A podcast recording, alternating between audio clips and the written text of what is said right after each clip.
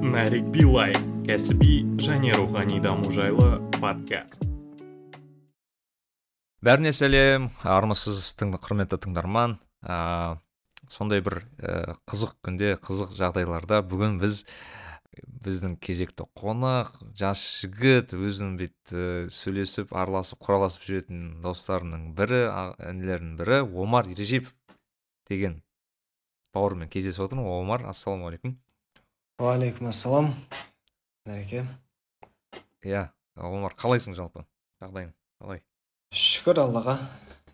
Өзіңіз қалайсыздар? Иә аман есен аман есен. Енді ә, мен омарды өзім таныстыра кетейін. Ә, мен омарды бірінші рет ә, интернетті ақтарып отырып ә, бір күні бір ә, инстаграмнан еді бір жерден осы қарилар бар екен. Жалпы жалпы қарилардың енді қари дегенде енді құран жатқа білетін кісілердің инстаграмын ашып көріп отыратын да сол кезде омардың ә, парақшасын ашып қалдым. Сол кезде қарасам ол ә, жаттап қана емес үйретіп те жүр екен деп мәссаған деп таң қалып оқи бастадым. Сол кезде өзіме ерекше ұнады. Яғни ә, омар сен өзіңді жалпы қалай таныстырасың адамдарға осылай? Омар ержипов кім деген кезде? Жалпы негізі мен өзім енді кішігірім танысып кетсем болған шығар иә таныстырып кетсем. Әрине әрине. Жалпы кішкентай кезімнен енді діни отбасыда өстім. Сонымен 2015 жылы әкем мені турцияға жіберемін деді. Сонымен турцияға барып екі жылдың ішінде жаңа құран жаттап келдім. Аллаға шүкір бір жыл жаттадым. Қалған уақыты дайындалу қайталау деген сияқты экзамендерге кетті. Ә, жалпы негізі өзім құран жаттадым. 2017 жылы бітіргенмін. Уже почти төрт жыл болып қалыпты уже. Ә, сол құран жаттап бітіргеннен кейін мен негізі айтуға ұялатынмын негізі ше. То есть құран мен құран жаттадым мен қари болдым деген сияқты нәрсені айтуға ұялатынмын. Себебі рия болады басқалар басқаша ойлап қалады деген сияқты. Сонымен ойланып келе ойланып келе осы нұр мүбаракта оқып жатқан кезде бірінші курстың ортасына қарай примерно мен өзіме сұрақ қойдым. Неғып мен осыны жасырамын деген сияқты қылып адамдарға наоборот пайдалы болмаймын ба деген сияқты. И сонымен бірінші постымды шығардым мен осыдан бір жыл бұрын 2020 жылдың декабрінде. Сонымен пост шығарып уже адамдарға кішкене ұнай бастады. И осымен ә, осылай осылай хафизбол проекті ашылды деген сияқты. Жалпы негізі ә, көбісі мені қареке дейді жаңағыдай қари хафиз құран жаттаған деп көбісі осылай біледі негізі. Мен де солай айтамын омар дегеннен гөрі қареке деген сөз жарасады екен. иә ә, омар жалпы мен айта кетейін омар э, өте жас жігіт жиырмада ғана. Бірақ жиырмада бола тұра көптеген ә, осы пайдалы істер жасайды. Мен жалпы бағана сен айттың ғой ұялады деп. Аха. Осыны кішкене аша, аша кетейік иә мен неге адамдар бір жақсы бір қасиеті болса бір жақсы бір жеткен жетістігі болса оны бір бағанағы айтпақшы рия деген яғни адамдардан мақта мақтан мақтансығандай болған ма мақтанғандай болмау болмау деген секілді. Немесе білмеймін. Ә, сондай бір түсінік бар да. Менің ойымша керісінше сен сияқты жігіттер мысалы белгілі бір жетістікке жеткен адамдарды наоборот білу керек адамдар. Негізі иә. Өйткені шынымен айтқанда ә, енді түрлі адамдар ә, танымал болып жатыр ғой негізі. Бірақ ана шын жетістікпен қиналып бағанағы белгілі бір қиындықтан өтіп белгілі бір дәрежеге жеткен адамдар ну танымал болмай жатады да. Сондықтан мен сені де бүгін ә, өзің тыңдармандар ә, омар жайлы біліп қалсын деп шақырған себептердің бірі. Ә, омар жалпы мен көбінесе осы адамдарға осы дін дін оқуларында немесе осылай ислам жолында қызмет етіп жүрген жігіттерге қыздарға көбінесе сұрақ қояды. Ол қайдан пайда болған ә, дүние деп. Не дүние дегенде адам қалай келеді соған сондайға. Яғни сен мысалы отырасың там айтайық он бес жасыңда немесе там атаңды көресің немесе тағы бір кісіні көресің ә, бір үлгі болады ғой немесе. Мысал болады сен айтасың мен қари болғым келеді деген секілді. Сенде қалай болды? Кім әсер етті соған? Негізі мен өзім қатты қызығатынмын негізі құранға ә, қателеспесем алты жасымда ма жеті жасымда құран оқып үйрендім ең алғашқы ә, анам үйреткен. Сонымен құран оқып құран жаттап бастадым. Ықылас медресесіне бардым. Тағы да бір екі медреселерге барып құран оқып қызығып жүрдім. Сонымен әкем ұсыныс айтқаннан кейін мен бірден қабылдадым. Турцияға жіберем оқисың ба деген кезде қарилыққа мен бірден қабылдадым. Себебі өзім қатты қалауым болды менің құран жаттау деген. А ол ол қай қалада болды сен мысалы? Сен есіңде болса оңтүстіктің қаласысың иә? Иә иә. Есімде болса. Шымкенттен. Шымкент шымкентте болды иә аха. Сонда сенің әкең қабыл былай әсер етті саған иә осы өзі ұсынды иә ұсыныс жасады мен одан кейін қабылдап жарайды оқимын деген сияқты қылып ну өзімде де қатты желание болды негізі оқуға. Мхм.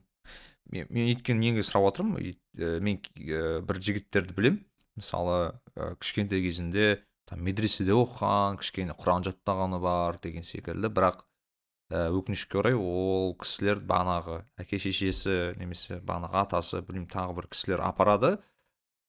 Ә, олар оқиды бірақ өздерінің қалауы болмағандықтан ну біраз уақыттан кейін тастап кетіп жатады да.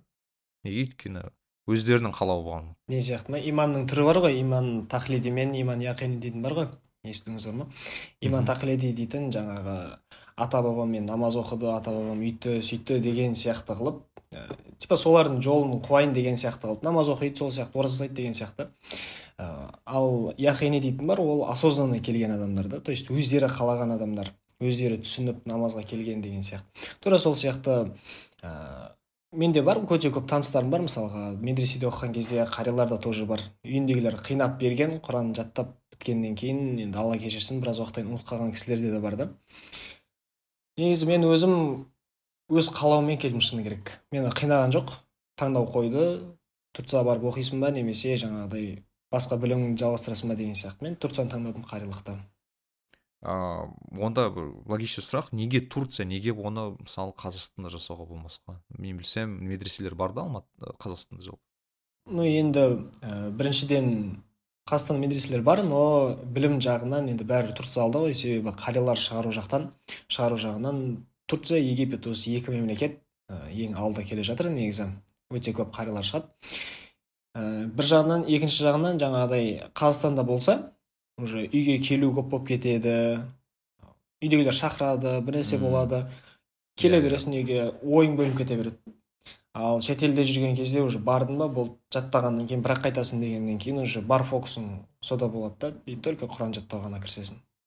Ой бөлінбейді. Иә анау алма әке шешеңді ойлап үйге қайтамын деп бағанағы нелер болмайды иә былайша айтқанда ана орыс тілінде жақсы бір сөз бар сжигать мосты деген күшті бір түсінік бар да. Иә иә жерге иә. барасың көшесің бір ііі істі жасайсың и все анау артқа қайтар жол жоқ та ана көпірдің иә, бәрін иә, қиратып бітесің да сен корабльдерді не істеп тастаған сияқты ма? Иә иә. негізі мен бар ғой сен бір жылда қари болдың деген кезде бір жылда қари болды деген кезде мен өзім таң қалдым да сонда бір жылдың ішінде шынымен де қари болуға болады екен ғой деп.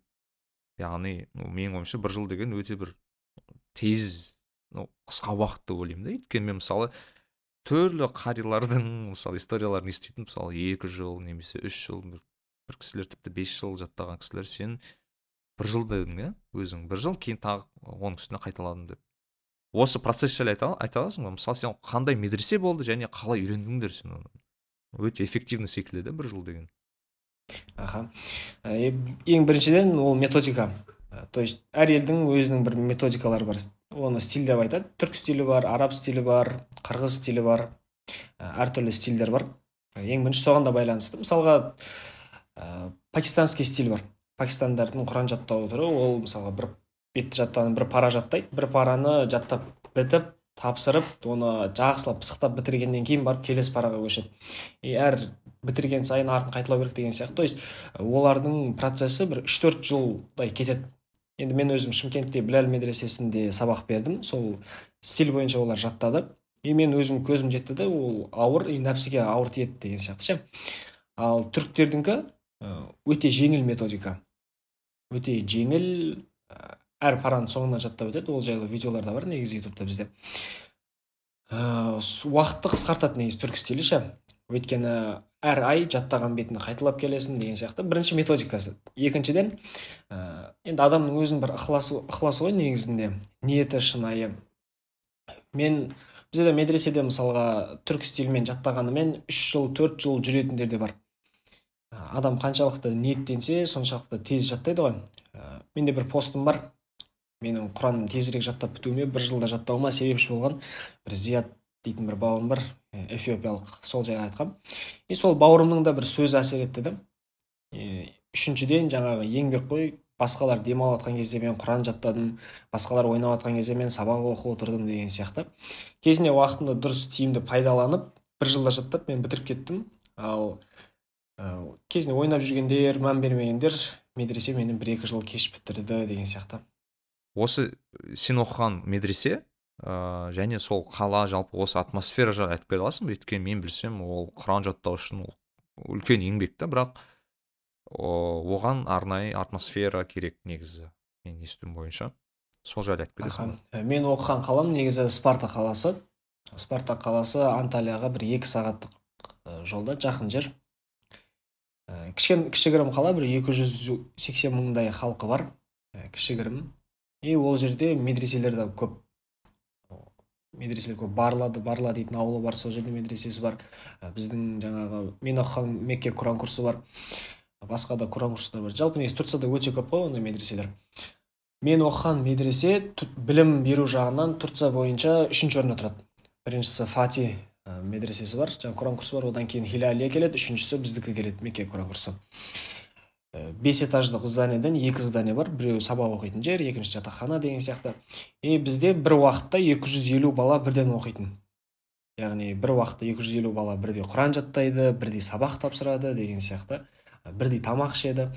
И бір қызығы қаланың шет жағында енді негізі қарияларға сондай жер ыңғайлы ғой. Қаланың шет жағында адам көп келе бермейтін адамдар жүре бермейтін тыныш жер керек қой негізі. Сондай шетте орналасқан и аллаға шүкір бізге жағдайымыз жасап берген. Оның жанымызда мешітіміз бар футбольный поле бар баскетбольный поле бар.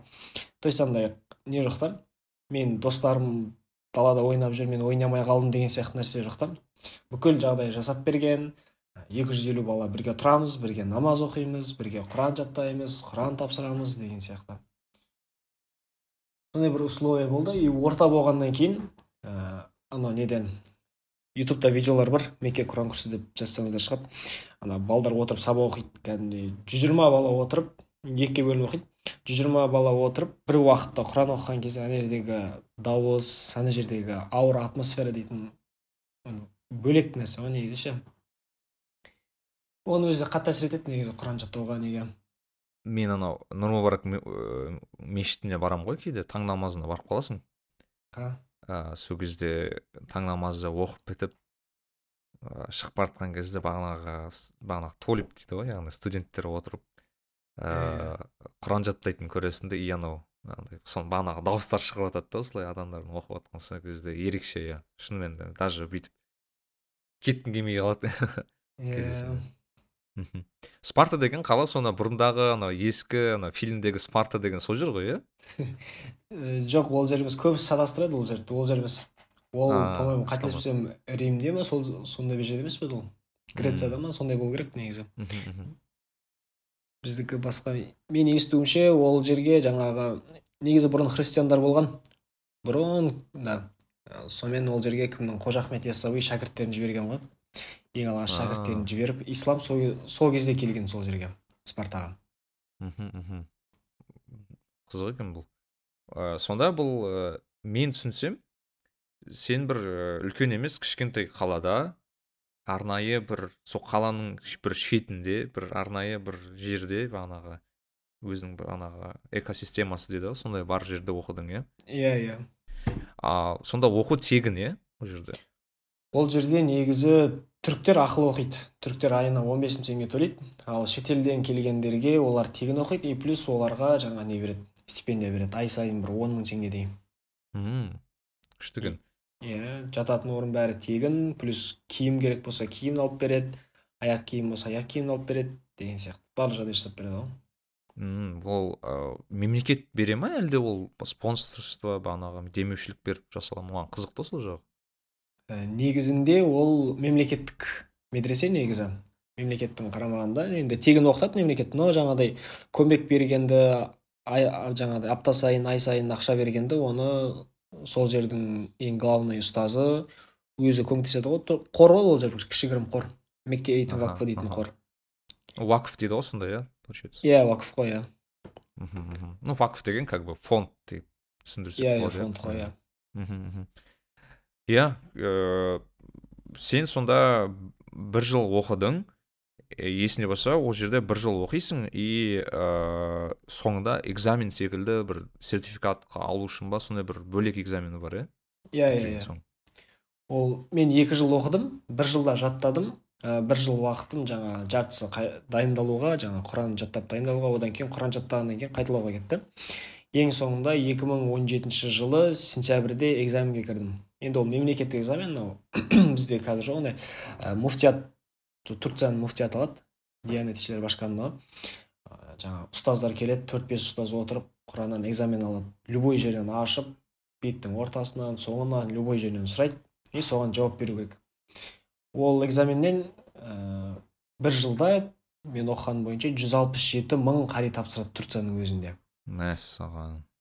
Бір жылдың ішінде сондай. И енді одан өте алмайтыны бар. Өйткені қиын экзамен негізі ол ше. Себебі любой жерінен ашып оқып жалғастыру тем более енді бітірген тарауих жаңағы хатым түсірмеген тарауихпен түсірмеген адамға кішкене қиындау. Но шүкір біздің медресенің абыройы болғандықтан бізге кішкене жеңілдік бар. И тапсырған примерно жетпіс баланың бір алпыс алты алпыс жетісі өтті ғой полный. Ал басқалар көбісі өте алмай қалады негізі. А ол сертификат международный сертификат. Ол қари деген. И турцияда любой мысалға мешітке неге сол сертификатпен орналасса болады негізі жұмыс жасауға а бұл кәдімгідей жұмысқа бір э, документ секілді ғой иә? Иә иә иә.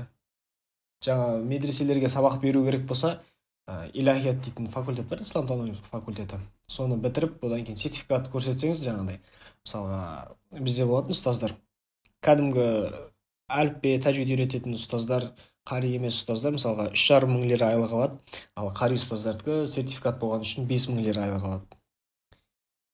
Айлығы да жоғары болады. В общем мен бір түсінгенім да әсіресе турцияда жалпы қари кісілер біріншіден өте көп. Иә. Екіншіден ә, қариларға жалпы дін жолындағы адамдарға өте жақсы жағдай жасалады иә негізі. Мемлекет тарапынан жалпы бағанағы жекелеген спонсорлар уақыфтар фондтар бар деген секілді. Иә иә өте қатты қадірлейді құрметтейді қариларды ә, сондай жақсы жағдай жасайды. Рамазан айында ол сезон ғой қарилардың. Жаңағы мукабелесі бар таңертең таң намазының алдын оқитын кешкісін оқитыны бар одан кейін таравих бар. И жамағатта андай не емес та бізде мысалға мешіт жамағаты ящикке салады ғой барып ораза айында. Ең соңында қадір түнінде ғана қариларға жинап береді. Ал ол жер ондай емес. Ол жер мешітке бермейді прямой барып қариға береді. Міне мына сенің еңбек ақың мына сенің нең мына мен пітір садақам деген сияқты қылып и менің есімде бір африкадан келген бір ә, кісі бар еді тоқсан тоғызыншы жылғы. Бір мешітке барып түсірген рамазан айында әшейін тарауихтың өзімен бір екі миллион теңге дей ма? Сондай берді ғой сол жинап берді сол жігітке. Машалла. Яғни прям қалтасына мә риза болдым алла разы болсын деп бүйтіп Иә, иә. мхм, иә мен есімде ана соңғы күні бүйтіп ортаға матаны жайып қойып салып жатады иә ғой. иә иә сол жинап не істейді ғой. А оларды жаңағы соңғы күн емес күнде келіп береді да бергісі келген кісілер. Мешіт үлкен болған сайын жамағат жақсы болған сайын жағдайларын жасай береді ғой қаридың и бір қызығы келіп айтады жаңағыдай бұны өзіңе қолдан ә, там вакфқа апарып берме ешкімге берме өзіңе деген сияқты жалпы о, мен соған әрқашан таң қалатынмын да. Мысалы қаншама мұсылман мемлекеттер бар бірақ ыыы, көп қой енді мұсылмандар. Қанша миллиардтан қанша астам миллиардтан астам ну ми- э, мұсылмандар бар. Бірақ мысалы солардың ішінен мысалы мен түріктерді қашан көрсем бір ерекшеленіп тұрады да мүмкін сол кезіндегі бағанағы осман империясының мүмкін әсері бар шығар мүмкін басқа ә, басқа да әсер бар шығар. Бірақ шынымен мысалы кейде бізде болады ә, мен отырамын да. Мысалы бізде енді елде ә, дін енді бар ғой әрине құдайға шүкір дамып жатыр деген секілді. Бірақ кейде салыстырып жатады да мысалы түріктерде былай ғой бізде олай емес деген секілді. Мен сол кезде айтамын да мүлдем салыстыруға келмейтін жағдайда өйткені ә, ну, түріктер қанша ғасыр ә, во первых империя болған біріншіден. Ә, екіншіден ә, ол қанша қалай айтсам екен ә, зайырлы мемлекет яғни светский дейді ғой зайырлы мемлекет болғанымен олар ә, дін ол ә, мемлекеттің атынан ә, жүреді. Яғни оларға зарплата беріледі ана мешіттерге ақша беріледі бөлінеді деген секілді ана вакфтар бар. Яғни қаржылай өте жақсы не бар ә, демеу бар да иә сол иә. жағынан. А бізде ондай енді өкінішке орай олай емес қой. Анау кім бар ғой? Фатих сұлтан ахмет стамбулды алатын кезде хадис бар ғой білесіз ғой иә? Қанша сахаба барып ала ма не істемеген фатих Иә, иә. сұлтан ахмет барып алады ғой. Сол қандай ә, жақсы қолбасшы оның жаңағы ұрпағы ұрпақ жайлы айтады тоже сол жерде ше. То есть пайғамбар дұға етіп кеткен да неткен мықты не деп ше. Қолбасшы. Және оны алған армия жалпы әскер қандай керемет әскер деп па сондай сөз иә бар иә иә иә. И соның ұрпағы да содан тараған жаңағыдай. Османлы халифаты болған бүкіл неге үш материкке несі жүрген әмір жүрген басқарған. И турцияда өте көп нелер бар ғой. Сахабалар бар әулиелер бар пайғамбарлардың қабірлері бар. Урфа қаласы бар жаңағы ибраһим алейхисаламның отқа тасталған жері юнус алейхисаламның болған жері деген сияқты. Өте көп пайғамбарлар бар әулиелер бар сахабалар бар. Киелі жер ғой былайша айтқанда. И сондай жердің тұрғыны да сондай. Өте берекелі әрі мықты болады ғой негізі. Әсері бар дейсің ғой. Иә иә. Иә ана урфа туралы естіп едім анау бағанағы ибраһим пайғамбардың лақтырған ну бағана отқа лақтырған жер бар түрлі пайғамбарлардың туған жерлері деп айтып жатады. Иә иә иә. Сонымен барып келгем неге? Көргем ә, балықлы көл дейтін жер бар. Ә, ибраһим алейхисалам неге тастайды? И ол бір отқа барып не істейді ғой? Отқа түседі да куни ибраһим аят бар. Сол анау отты сақта деп айтады. Ибраһим сақта дейді отқа то есть. И сол көл ә, то есть сол от болып тұрған жер көлге айналып кетеді. И анау жаңағы жанып жатқан ағаштар балыққа айналып кетеді да. И бір қызығы сол балықтар әлі сол жақта бар да. То есть енді ол балықтар емес қой енді соның ұрпақтары Иә, деген сияқты. Ә, бір кісілер сол балықты аулап жемекші болады ғой. Сонымен балықты аулап жеген кезде қайтыс болып кетеді ана кісілер ше. Зато балықтардың да несі бар да сондай. И ибраһим алейхисаламның жаңағы үңгірде өседі ғой ол, сол үңгірі бар. Юнус алейхисалам сабыр ташы дейтін несі бар? Тас. Тасы не болады ғой? Сол ә, сол сабыр ташы бар. Одан кейін құдығы бар су ішкен құдығы бар. Яқуб алейхисаламның қабірі бар. Өте киелі жер негізі. И ибраһим алейхисалам кезінде не болған ғой? Өте жомарт болған ә, өзі тамақ ішпеген көшеде кетіп бара жатқан адамды бірден шақырып алып кел тамақ ішеміз деп үйіне қонақ қылып өте сондай қонақжай не болған ғой? Пайғамбар болған ғой. И дәл қазір дәл сондай ұрфада ше көшеде кетіп бара жатсаңыз үйіне шақырады қонаққа шақырады. Мен қонаққа келдім десең кәдімгідей бір үлкен дастархан жайып кел тамақ іш деп қыдыртып не істеп. Өте мықты сондай не. Қалып кеткен ғой ненің пайғамбардың несі? Иә иә. Киелі бір нелер бар иә сезіледі дейсің ғой осындай. иә иә иә. И урфада өте андай нелер көп. Ә, орамалды ә, жаңа немен жүреді? Үлкен кісілер сәлдемен ана немен жүреді? Ұзын шалбар киіп алып сондай тақуа сондай бір аурасы бір андай ислами не да. Өте сондай күшті жер. Мхм. Сен айтып жатып мен барғым келіп кетті ғой көруге иә. Құдай қаласа барып жатамыз. Иә, иншалла. мысалы ә, не білмеймін мысалы мен ойлаймын да кейде қанша түріктер бар да бізде? Түріктер қанша өте көп қой. Ә, с- Иә, саны иә. жағынан айтамын да. Бірақ ә, олар мен мысалы жастарын көремін қазір. Жастары енді көбіне діни қатты кетті деп айта алмаймын. Енді діни прям беріліп деген секілді. Бірақ қанша дегенмен мен байқаймын да түріктерден ол ыыы намаз оқымау мүмкін бәлкім дін ұстамауы мүмкін. Бірақ все равно жаңағы діни основасы бар да қанша дегенмен. Иә ана иә. фаундейшн дейді ғой яғни соны ойлаймын да кейде бұлардың да сол мүмкін ә, түріктердің беретін ә, тәрбиесі шығар мүмкін ортасы сондай шығар немесе мектептегі тіпті білімі да сондай шығар. Мен естіген бойынша даже кәдімгі мектептерде ә. Светский мектептерде құран сабақтары бар деп естіп едім да. Иә құран жаңағыдай діни білім беретін кәдімгі лицейлер нелер мектептер де бар тоже. Үйретіп. Жалпы ол халыққа жақсы сіңген ғой негізі исламның негіздері исламмен жүру деген сүннет деген нәрселер. Мхм. Мен ана бірде қызық болып еді ыыы мен кит деген сөз бар ғой. Кит балық үлкен неше? Иә, иә. балық кит. Соны м, түрік тіліне аударсаң юнус балығы деп аударыпты ғой. Иә иә иә. Сөйтіп мен кү- күлгенмін мә бұлар настолько даже тіпті балықтың өзін ну балық балық емес енді кит қой енді бізде. Соның өзін ыыы юнус балығы яғни құрандағы ана юнус пайғамбардың ыыы ну ана киттің ішінде кетіп жүрген сон содан алынғанын айтамын да. Иә иә тіліне еніп кеткеніне. иә. Нарик билай жалпы сен ыыы өзің байқауыңша мысалы медресе бар иә бізде де қазақстанда қазір медреселер ашылып жатыр. Мен білуімше мысалы масанчи деген университет бар мен жақында осы ә, олжас бейсенәлі деген жігіт бар білсең. Мхм. Ыыы сол кісімен сөйлестім ол ә, мысалы неде масанчиде оқыған бізде. Ә, бізде сарыағашта медреселер бар ә, тағы да жерлер бар. жалпы сен өзің де білсем сен сабақ бердің иә ұстаз болып иә иә иә. ә, қариларға. Өзің жалпы ойлайсың ба бізде ә, келешекте осы қарилықты дамытуға мүмкіншіліктер бар ма? Түріктер сияқты болмаса да мысалы мен білемін қырғыздарда өте қатты дамыған. Өйткені мен ә, көбіне байқайтынмын ана әсіресе тарауих кезінде ана қарилар бітіп қалады да өйткені спрос үлкен ғой Қариларға. иә иә.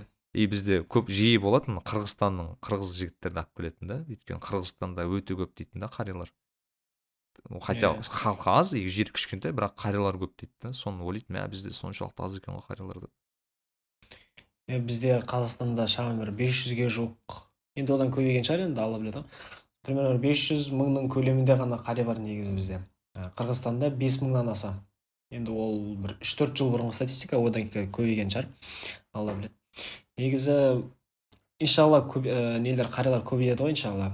Ә, қазіргі мынау муфтиіміз бар ғой наурыз соңғы муфти кім еді. Тағайындалған. Сол жаңа қарилыққа қатты не көңіл бөліп жатыр екен. Медреселер ашып ә, жаңағыдай қарилар шығару керек деген сияқты. Қылып ше? Себебі енді бүкіл исламның несі осы то есть ғылым жолы осы қарилықтан басталады ғой. То есть құран жаттап біткеннен кейін барып араб тілі ары қарай дамытып ә, тәпсір хадис фих деген сияқты нәрселерге. То есть ең бірінші қарилық қой бірінші ступень қадамы.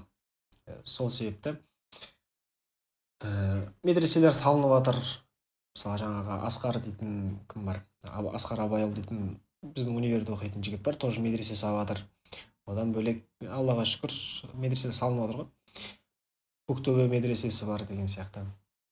А өзің қалай ойлайсың ыыы с- олар салынып жатыр да? Мысалы мен кейде ойлаймын бізде мындай мәселе бар да? Айтады мысалы ыыы медресе саламын дейді да бір кісі. Салы бір бөлек та. Ол өйткені ол ғимарат қой просто медресенің өзін былай қарасаң. Аха. Бірақ ол жүйені ойластыруың керексің мысалы қалай қаржы қайдан келеді сен ұстаздарды қайдан табасың бағанағы студенттерді қалай бағанағы не дейді мотивация бересің деген как бы үл- үлкен жүйе ғой былайша айтсаң ол негізінде қол Негізі, орнына қою үшін. И мен көбіне байқайтынмын мысалы қаржы жағынан көп мысалы біздің мешіттерде медреселерде нелер бар да. Ыыы ну қиыншылықтар болып жатады да өйткені қаржы қанша дегенмен мемлекеттен келмегендіктен жекелеген спонсорлар келеді олар көп емес.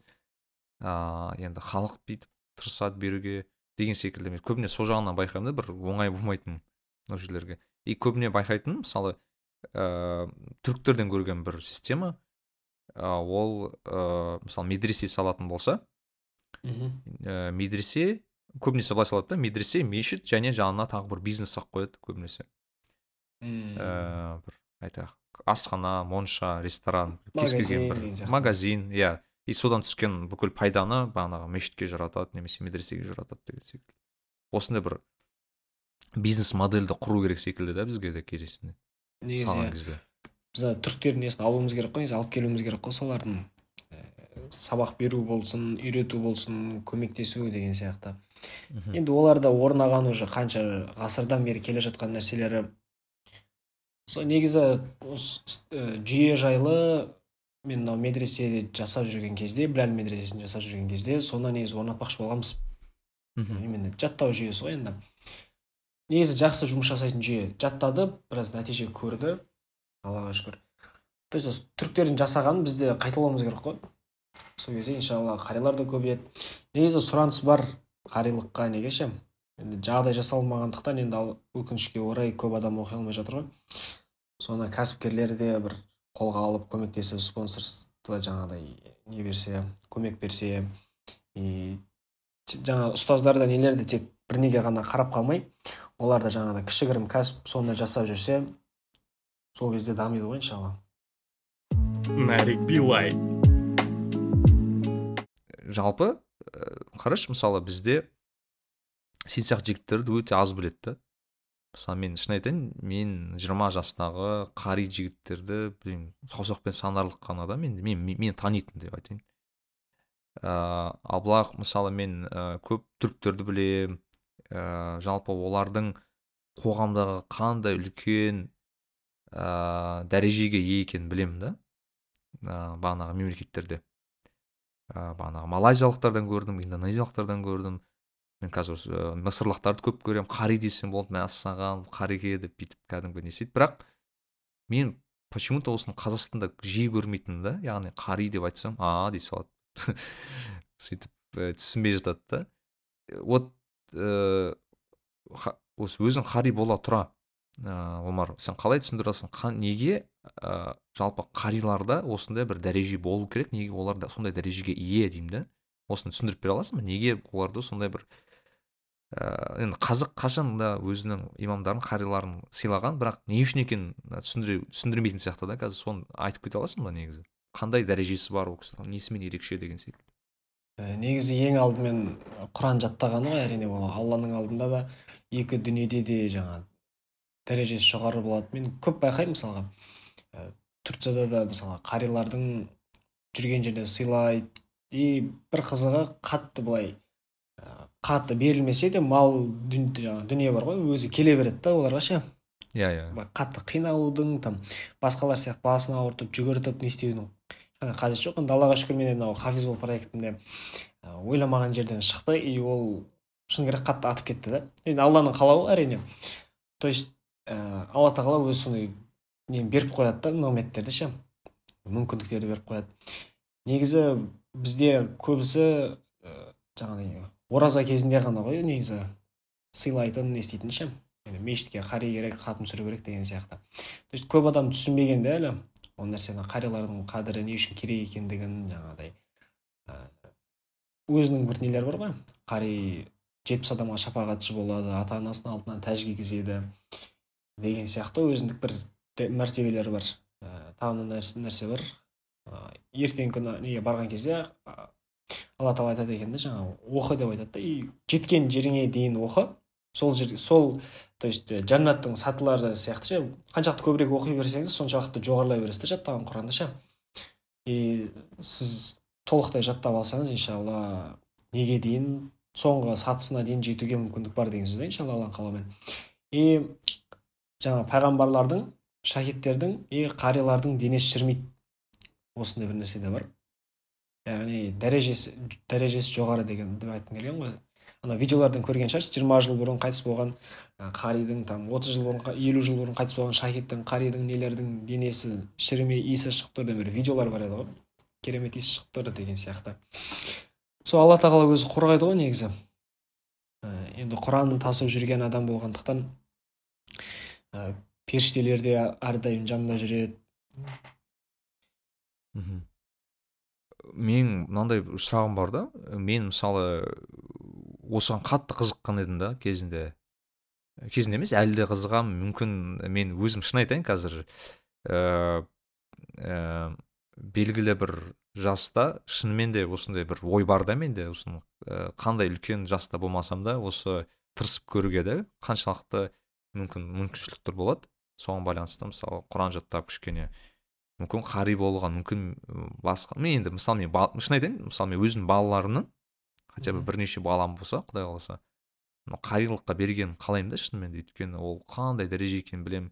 Мысалы мен кезінде есімде путешественник с құраным деген ба бар ғой фахталь хандари деген бір кісінің иә керемет бағдарламасы бар. Өте не беремін кеңес беремін көруге. Ол кісі түрлі мемлекеттерге барып әлемнің түпкір түпкірінен қарилардың ә, осы өмірдегі болған жағдайлары өмірде болған ну қиыншылықтары тағы басқа енді неше түрлі историялар бар көресің да и шынымен жаның ашиды кейде өзіңе. Блин мен не істеп жүрмін деген секілді. Ну андай да қалай айтсам екен. Мысалы там бір кісі ә, белгілі бір ауытқулар болса да мысалы дене денесінде немесе бағанағы умственно дейді ғой кішкене солай болса да жаттаған кісілер бар. Көзі көрмейтін кісілер көз иә бағана зағип кісілердің де жаттағанын көресің. Ә, мен мысалы өзіме қатты мотивация болатыны ә, қареке да мысалы менде андай болатын. Бір ә, кісілерді білем өздері ә, мысалы бизнесмен өздері ірі бір компаниялардың басшылары миллиондаған ақшаны бүйтіп айналдырып жүрген кісілер болса да қариды.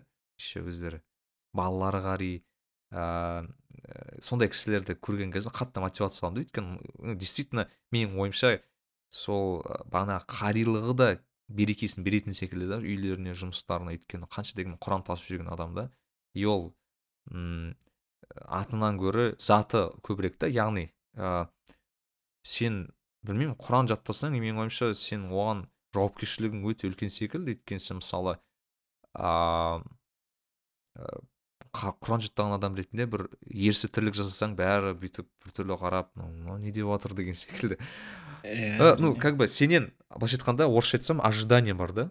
Көбірек иә. Сенен бір күтіледі бір нәрсе яғни сен оны қалайсың ба қаламайсың ба болады да? Өйткені сен анау кәдімгі жаяу адам емессің дегенмен. Сені алла тағала осылай жарат ну ерекше бір не беріп тұр да саған? Дәреже беріпті сен дәрежеңді до конца ұстай аласың ба деген сондай бір дүние бар секілді. Өзіңе қиын емес па кейде? Мысалы болады ғой ол өйткені шынымен үлкен жауапкершілік секілді маған. Негізі иә ә, басқа адамдар басқаларға ә, нормально қараса қарилар бір нәрсе жасаса жаңағыдай басқаша қарайды деген сияқты ғой. Қарида осы нәрсе көп оқырмандар не істейді маған ше? Мә сіз спортпен айналысасыз қарисыз ғой? деген сияқты қылып ше? Типа ыыы көп не істеп тастайды и ерсі тірлік болса бірден жаман көзқараспен қарайды деген сияқты.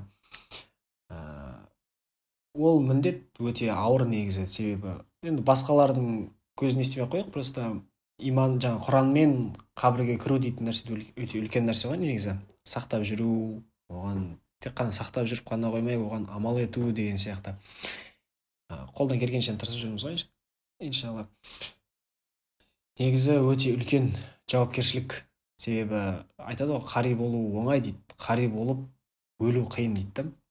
Құранмен бірге өлу ол қиын нәрсе да себебі өмір бойы тасып, тасып жүресің. Е медреседе не ол оңай ғой? Медреседе бұзылмайсың фитна жоқ не жоқ ашық шашық харамдар жоқ жүре бересің. А вот ең басталатын кез медреседен шыққан кез ғой негізі. Ең қиын кез осы ғой. Анау айтады ғой біздің адамдар бар ғой фитна басталады дейді сол сияқты ма? Иә иә. Дүние өте қиын негізі сыртта алып жүру ше күнделікті оған қайталап отыру керек оқу керек. Таравих жаңағы хатымен таравих түсіру өте маңызды. Мен осы жайлы сөйлескім келген еді омар. Мысалы сен оқыдың тоқыдың бағанағы экзамен тапсырдың келдің елге. Келгеннен кейін қандай бір ощущение болады? Сен уже басқаша болып келесің ғой сен уже бәрі қареке дейді бағанағы. Ә, ерекше бір не бар ғой все таки андай бір қарым қатынас иә ерекше бір мәміле бар да қариларға келген кезде. Бірақ бағанағы өмірің лайфстайл дейді ғой бізде. Сол өзгерді ма яғни сен өйткені қарисың да все таки и бағанағы елдің айтатын сөздері бар өзің ойларың бар деген секілді. Қалай өзіңді ұстауға тырысасың да? Сол қызық та маған қари ретінде. Ә, негізі мен турцияда жүрген кезде турцияда ол қатты байқалмайды себебі қариялар көп. И жаңағыдай еркін ұстай аласың өзіңді то есть соларға қарай еліктей бастайсың не істей бастайсың деген сияқты. Турцияда қиын емес негізі олай жүру ше. Ал вот қазақстанға келген кезде сынақ сол кезден басталды ғой. Медреседен шығып сертификат алып не істеп келген кезде уже ә, адамдардың бір жағынан несі де мінез жағы түріктер мен қазақтардың мінезі екі түрлі ғой. Түріктердікі жұмсақ не болады қазақтар кішкене ашушаң не болып келеді да түріктерге қарағанда. И иә иә иә. Сол адамдардың қабылдауы да медресеге келген кезде медресеге жұмысқа кірдім. И кірген кезде бәрі таң қалды себебі мен ол кезде он жеті жасымда мен иә он жеті жасымда мен жұмысқа кірдім бірінші сабақ беріп. он жеті жасымда кірдім. Бәрі менен үлкен жаңағыдай жиырма жиырма бес отыз жасқа дейінгі кісілер болды соларға сабақ бердім. И бәрі о мына қареке мына турцияда оқып келген енді бір жағынан андай басқалар жаман ойлап қалмасын деген немен де барынша қолдан келгенше не істеуге тырыстым. Ә, қазір енді ә, адамдарға ана нәрсені жеткізгім келеді да. Ә, қари болып шектеліп қалмай басқа да діни білім болсын басқа жаңағы дүниеви білімдер болсын солардың барлығын алып спортпен айналысып активный өмір сүріп деген сияқты. Қазір мен көбіне сол нәрсеге акцент қойып жатырмын да. Жаңағыдай правильный питание дұрыс тамақтану денсаулыққа жақсы қарау деген сияқты. Мен барынша сол нәрсені жеткізгім келіп жүр. И барынша жақты даму дейсің ғой. Иә жан жақты даму. Тек қана бір жақты ғана қалып қоймау емес та мхм. Ә, бірақ ә, қанша дегенмен мысал қарашы омар ә, мен білсем ә, құран жаттаған кезде құранды ұмыту деген өте сондай бір қиын зат та ә, не жағынан? Ә, мысалы сен қоғамда өмір сүресің айтайық бір харам затты көріп қаласың ашық шашық бір киінген адамды көріп қаласың немесе бір инстаграмда бір керек емес затты көріп қаласың деген секілді. Ол бірден әсері бар деп естіген едім да. Яғни кез келген бағанағы осындай тірлік сенің ана жаттау қабілетіңе немесе еске сақтау қабілетіңе әсер етеді деген. Осы жайлы айтып кетесің бе? Не зат әсер етеді жалпы адамның осылай есте сақтау қабілетіне именно құран жаттауда? Ә, әсер ететін ең бірінші нәрсе әрине ол харам харам нәрселер. Ә, имам шафидің сөзі бар. Ә, харам ә, қандай еді? Харам ә, инсана вер дейді түркше харам нәрсе адамға ұмытшақтық алып келеді дейді. Жаңағыдай алған біліміңіз неңізді бір харамға қарау жоқ қылып жібереді да ше. Қатты әсер, ә, кері әсер бар негізі.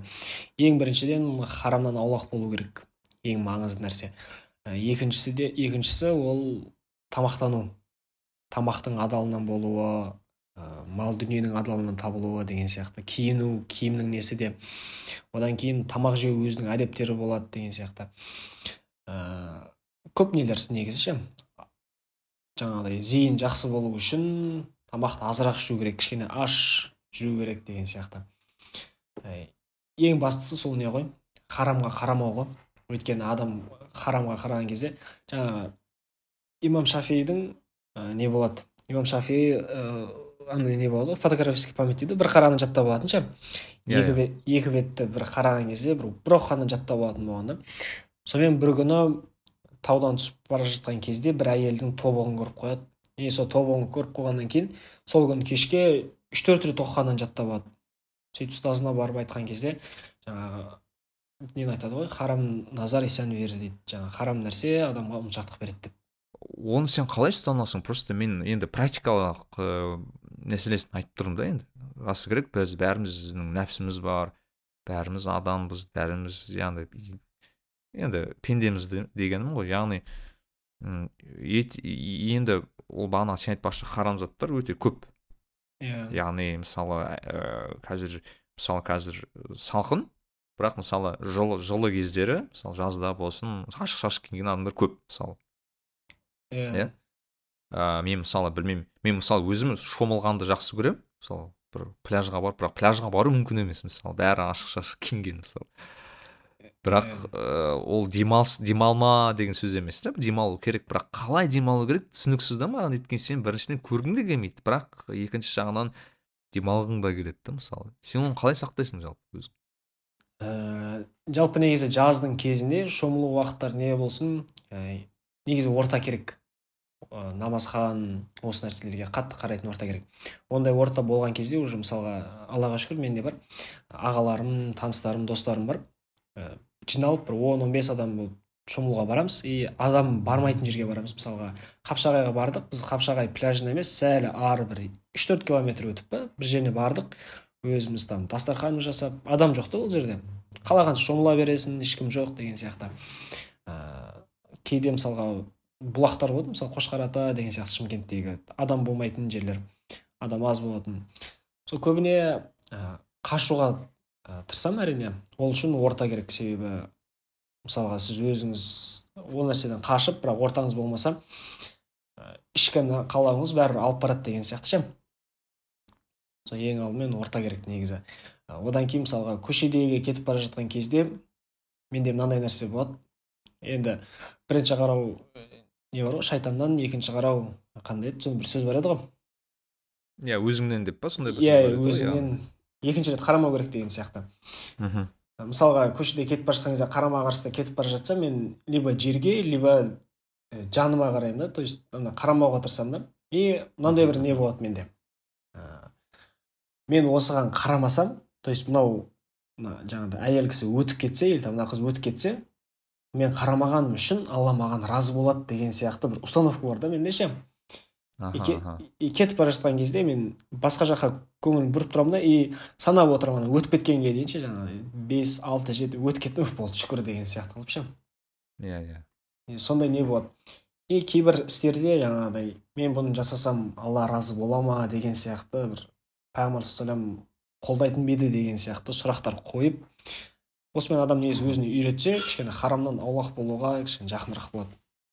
Мм яғни сен іште осындай бір установка қойғансың ғой яғни мен ат, ә, қазір осыны өтіп кетсем алла маған разы болады деп өзіңді бүйтіп қуаттап тұрасың иә солай? Иә иә иә. И көбіне жаңа инстаграмда болсын жаңа не болсын көп не істеп тастағанмын да ә, информационный диетаға отырғанмын да. Стористердің бәрін өшіріп тастап нелердің бәрін өшіріп тастап интересно кірмей қарамай то есть телефонға инстаграм көп кірмеуге тырысамын да. Кірген кезде жаңағыдай мен инстаграмнан шығып кетсем типа алла разы болады деген сияқты қылып ше. Енді алла білуші ғой бірақ ә, барынша осылай негізі өзім сақтануға тырысамын негізі. Яғни сенде қызық екен яғни сен ә, бір істі жасар кезде сұрақ қоясың иә өзіңе мен жасасам осыны алла разы бола ма? деген секілді иә? Иә иә. Аха аха. Осы бір жақсы бір лайфхактар бар, бар екен сенде? осы нәпсімен күрес деген мәселеде. Менің ойымша қарекелер әсіресе қазақстанда әсіресе ірі қалаларда алматы деген секілді жерлерде ыыы өмір сүретін қарияларға бір ерекше қиын секілді де көрінеді да маған мысалы бір мәселе сен саудияда немесе түркияда тағы басқа бір діни орта бар жерде өмір сүрсең бір бір басқада ал мысалы кәдімгі қалада білмеймін халықтың арасында өмір сүрсең ол мүлдем басқа секілді да. Иә. Енді әрине оңай емес ол тек қарилар ғана емес ол бүкіл адам ұстану керек нәрсе ғой негізі. Харамнан қашу деген нәрселер ше. Мен кезде мысалы мен ой- ойлайтынмын да мен ә, данияр жігітбек деген біздің осы досым бар. Иә. Сол э, біз көз көру жалпы мен э, зейін емес енді мысалы көзді көру не жағын айтып тұрмын да. Бізде мысалы минус бар менде минус бар көзімде. Даниярда да минус бар очки киеміз да екеуміз. Былайша айтқанда очкарикпіз и біз сөйлесетінбіз да мысалы оч- очки кимеу керек пе операция жасау керек па деген секілді сондай бір мәселелер болатын. Бірақ бір жақсы бір сөз болды да маған сол даниярдың айтқан. А, негізі даже көздің көрмеуі дейді да мысалы алыстан көрмеуі мысалы бұлдырап тұрады ғой блюр болып тұрады ғой былай. Иә иә. Оның көрмеуі де бір хайыр ғой дейді да негізі маған. кейде маған соны айтты да мен неге десем ну сен харамды көрмейсің дейді да зато да мысалы пляжда пляжда жүресің көз очкисіз жүрсің дейді да и очкисіз жүрсің зато сен былайша айтқанда адамдардың былай кел, ә, түр келбетін дұрыс тоқ көрмейсің дейді да мысалы өзі туралы айтады. И сондықтан мысалы даже қараған күннің өзінде адамның былайша айтқанда керек емес жерлерін көрмей қаласың өйткені тупо көзің көрмейді дейді да сен онда и кейде даже адамдардың ә, бағанағы көзінің нашарлауы да бір даже хайыр, хайырлығы бар дейді да негізі бір хайырлысы ода да. Иә ана бір ситуацияға позитивті жағынан не негативті жағынан қарау деген сияқты ма? Иә негізі иә. жақсы нәрсе жақсылық бар ғой любой жерде. Ол мына негізі нәпсіні жаман жаман шайтанды жаман деп не істеп жатады ғой? Ол деген ой андай жаман екен деген сияқты. Негізі жаман нәрсе емес по идее бізге берілген мүмкіндік қой негізі. То есть оны дұрыс қолдану арқылы біз жетістікке жетуіміз де мүмкін да. жаңағы шайтан мен нәпсі не сияқты ғой от пен тоқ сияқты да оны дұрыс қолдана алсақ біз свет жағамыз я болмаса тамақ пісіреміз да. Ал егер дұрыс қолдана алмасақ я тоқ ұрып өлеміз я болмаса ы, күйіп өлеміз да. Нарик билай. Омар осыған байланысты ә, келесі тақырып шығып тұр да менде. Сен инстаграм парақшаңда енді көп адам сені оқиды бағанағы телеграмың бар. Ә, сен ә, бір ә, прямой эфирлар жасайды екенсің да тікелей эфирлар. Ә, мысалы түрлі тақырыптарда соның бірі нәпсімен күрес деген бір есіңде болса бір Иә, иә. болған ә, эфирің болған. Және сен көп деген тақырыптарды қозғаған осы бір ә, мәселені қозғап кете аламыз ба? Мысалы м, сенің өзінің жеке ә, тәжірибеңде нәпсімен күрес именно практикалық жүзін айтып тұрмын да қалай жүреді сенде? Яғни нәпсімен во первых нәпсімен күрес деген не? Не үшін керек? Және оны қалай жасайсың өзің? Осы жайлы айтпай қаласың ба? Аха жалпы негізі ә, нәпсінің ең ауыр этабы ол не ғой? Құран жаттау кезіндегі этап қой. Оған күш жұмсау керек жылдары кетеді оған азында ерте тұру керек қаламасаң да құран жаттау керек оны ұстазға тапсыру керек ұстаздан ұрыс естисің сабақтан қалып қоясың ә, деген сияқты нәпсіге өте ауыр келетін ә, момент сол момент та негізі білім алу деген сияқты ше. Ә, діни білімді тем более өйткені шайтан да іске қосылады ол кезде ауырға нәпсіге ауыр иә. Иә өте ауыр. Ә, енді аллаға шүкір ол этаптардан өттік. Ол этаптар өткеннен кейін маған особо қатты қиын емес негізі ше. Себебі кезінде бағындыра алдым деген сияқты сондай бір нелер бар да кейс бар да. Сол себепті маған қатты қиын емес. И әрине ол кезінде мен өттім екен деп қазір де мен нәпсім беріле салмайды ғой. Онымен де күресу керек болады да. Ә, жалпы нәпсінің түрлері бар ғой ә, нәпсу лауама бар жаңағы мутмаинна бар әммара бар жаңағы нәпсу әммара ә, этаптардан тұрады өзі. Құранда айтылады ол. Он үшінші пара. Юсуф сүресінде. Расында нәпсі жамандыққа жетелейді деп айтады. Одан кейінгі нәпсүл не бар? Нәпсүл лауама бар. Ә, өзін жазғырушы нәпсі деп айтады. Одан кейінгі нәпсүл мутмаинна бар. Өзін жаңағы алланың алдында дәрежесі ұлы. Яғни нәпсіні жақсы жаққа қарай тәрбиелесе болады не болмаса жаман жаққа қарай тәрбиелесе де болады да. Нәпсіні жақсы жаққа қарай тәрбиелесеңіз бір қызығы нәпсі сіз үшін жұмыс жасайды уже. То есть ә, жақсы әдеттер қалыптастырып жақсы өмір сүріп діни жағын тақуалықты жақсы ұстанған кезде нәпсінің өзі итермелеп тұрады сол нәрсеге. Енді оған дейін әрине үлкен еңбек керек. Ал сол этаптан өткеннен кейін кішкене жеңілірек болады. Ә, я болмаса андай ғой либо нәпсінің құлы боласың либо нәпсі сенің құлың болады деген сияқты ғой. Екі момент та. Енді күнделікті әрине күресіп отырамын азында таңертең таң намазына тұру болсын жаңағы тәжүдке кейде тұру ораза ұстау деген сияқты әрдайым күресіп отыру керек болады.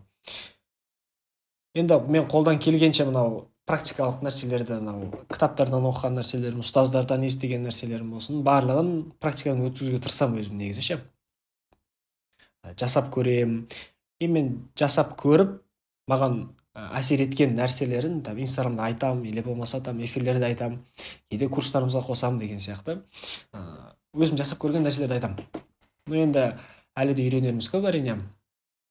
Но белгілі бір техникалар бір нелерді қолданған кезде кәдімгідей ә, нәпсіні басқаруға негізі болады по идее ше? Бір екі осындай әдіс бере аласа мүмкін ыыы, өмірге біздің мысалы енді сен қарисың ғой бірақ мысалы біз кәдімгі ауам дейді кәдімгі халықпыз иә мысалы. Бірақ өзінің жеке бағанағы тәжірибеңнен күнделікті біз ұстана алатын бір екі әдісті бізге айта аласың ба? Ә, жалпы негізі мынау не бар ғой кітаптарда ғой? Серж лягушка дейтін бар ғой. Құрбақаны же дейтін. Өзіңе ұнамсыз Иә, иә. нәрселерді жаса дейтін енді ол да бір нәпсі тәрбиелеудің бір түрі ғой. Нәпсі қаламаған нәрсесін жасау мысалға менің лягушкам ол қазіргі уақытта бөрпе жасау да жаңағы жаттығу жасау да жүз рет бөрпе жасау ол примерно мен бір 15 минут уақытымды алады и оны терлейсің не қыласың. Маған жағымсыз но қысқа уақыттың ішінде жасалатын нәрсе. И мысалға құран оқу бар. Күнделікті бір бір сағат уақыт кетеді. Оны кешке қалдырамын кейде кешке қалдырсам ол кейін түнге қалып кетеді түнге қалғаннан кейін ол «Ей, ертең оқи саламын деген сияқты ертеңге қалып кете береді. И мен таңертең тұрған кезде бөрпемді де құранымды да бәрін жасап тастаймын и жасағаннан кейін бір рахат еркін жүресің өзімде сондай болады менде. Бөрпе жасап тастап жаңағы душқа түсіп завтрак ішіп құран оқып болғаннан кейін бір смело жүресің жұмысты да күшті жасайсың. Андай не болады ғой намаз намаз уақыты кіреді мысалға бесін кірді ә, жарты сағат өткеннен кейін уже бесін оқу керек дейтін ой тұрады да или там кірген кезде оқып тастамасаң бесін шыққанға дейін андай бір іште бір дискомфорт болады ғой. Иә ана ішке де бір оқу керек еді негізі. Иә иә иә. Бүйтіп іште ұстап тұрады бір нәрсе. Менде андай болды мысалы бір адамдармен жолығамын ба намаз уақыты кірді ма ә, намаз уақыты кіріп оқымай ә, отыра беріп сөйлескен кезде мен миыма дым кірмейді ше. Миымда анау тревога дейді ғой қызыл сигнал ұрып тұрады ғой. Намаз оқы намаз оқы намаз оқы намаз оқы дейтін нәрсе. Пока мен барып намаз оқып келмейінше мен жаңағы тыныштала алмаймын да мен ана жерде ше. И өзімді дискомфорт сезінемін. Ана қанша айтса да не істесе де мен ана ақпараттарын қабылдай алмаймын да. Өйткені миымда басқа нәрсемен занят болып тұр да. Сол сияқты жаңағы ең жақсы уақыты намаз уақыты кірген кезде намаз оқу ә, азына таңертең тұрған кезде жаңағы лягушка болатын болса соларды жасап тастау деген сияқты. Бірден жасап тастаса уже ол кешке де қалмайды түнге де қалмайды ертеңге де қалмайды орындалады да ол. Иә сол жалпы осы мен көп, көп қолданатыным осы негізі. Яғни сенің айтып тұрғаның ол ә, лягушка яғни ә, белгілі бір істі біріншіден бөліп алу үлкен іс болса иә иә иә. Ә, екінші ә, барынша тез бітіру яғни мысалы күн таңертең жасау немесе уақытты кіре салып жасау бірден бітіріп тастау иә? Бірден тастау. Иә кейде ана лягушка бір жағымсыз істер болады ғой. Мысалы бір жерге бару бірге айту то есть андай. Кейде күнделікті жасау керек мысалға жаңа айтқандай бөрпе мен үшін лягушка да. Өйткені физический нагрузка ол жүз рет жасау керек сол он бес минут уақытың кетеді деген сияқты. Ал жасап тастасам мен рахат жүремін ше. Уайымдамайсың уайым жоқ не жоқ. Сол сияқты жаңағы анау слонды не істе дейді ғой бір ма- мақсат мақсат қойған слона деп пе сондай иә иә иә. Бөліп бөліп тастап и оны әрқайсысын бөлек бөлек жасау деген сияқты. Ә, менде тағы бір сұрақ. Енді бізді намазхан кісілер тыңдап отқан шығар. Мысалы қарашы сен алматыда жүрсің иә? Ә, белгілі бір жерде отырсың намаздың уақыты кіреді. Біз білеміз намаздың оқитын жер бізді түркияда түркия немесе бағана араб мемлекеттер емес бізді шынымен оқитын жер деген өте қиын.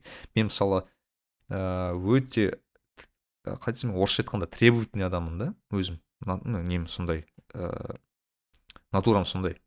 И мен барған жерде мысалы намаз оқитын уақыт кірсе мен сразу барып намазхана сұраймын да бірдеме айтамын. Енді бізде орыс кісілер бағанағы түсінбейтін кісілер болса мен түсіндіріп айтамын маған мысалы намаз оқу керек ол ол маған екі квадратный метр керек тауып беріңіздер деп маған. И көбінесе маған ыыы не болады да енді ойланып қалады кейбіреулер тауып береді кейбіреулер таппайды кейбіреулер жоқ дейді иә дейді. Ә, бірақ ыыы қанша қиын болса да қысылсам да айтамын да өйткені менің ішкі қалауым ол адам оған келісе ме келіспей ме өзінің өзі біледі. Бірақ мен өз тарапымнан барлығын істеймін да мен өзімнің ә, ішкі қаламды жасау үшін иә. Ә, менде талай болған мысалы мен білмеймін меломанға барып түрлі магазиндерге барып намазхана тауып алған кездерім болды маған жасап берген кездер болды өйткені айтасың түсіндіресің мен сендердің клиентпін клиенттеріңе айналайын дұрыс сервис жасаңдар деп. Сендер көп сұрап жатқан жоқпын деп мысалы. И бірақ мысалы мен көбіне болады намазхан жігіттермен жүресің да и көбісі қысылады бағанағыдай блин ладно сыртқа шығып келейінші деген секілді.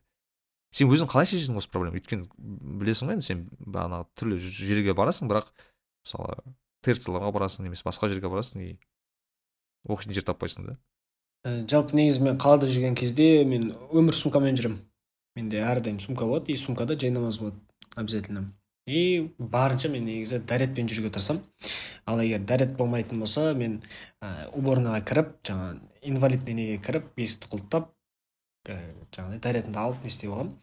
Ә, соны жаңағы неге кіремін ғой? Ал енді кафеде бір ресторандар болса әрине бірден намазхана барып сұраймын.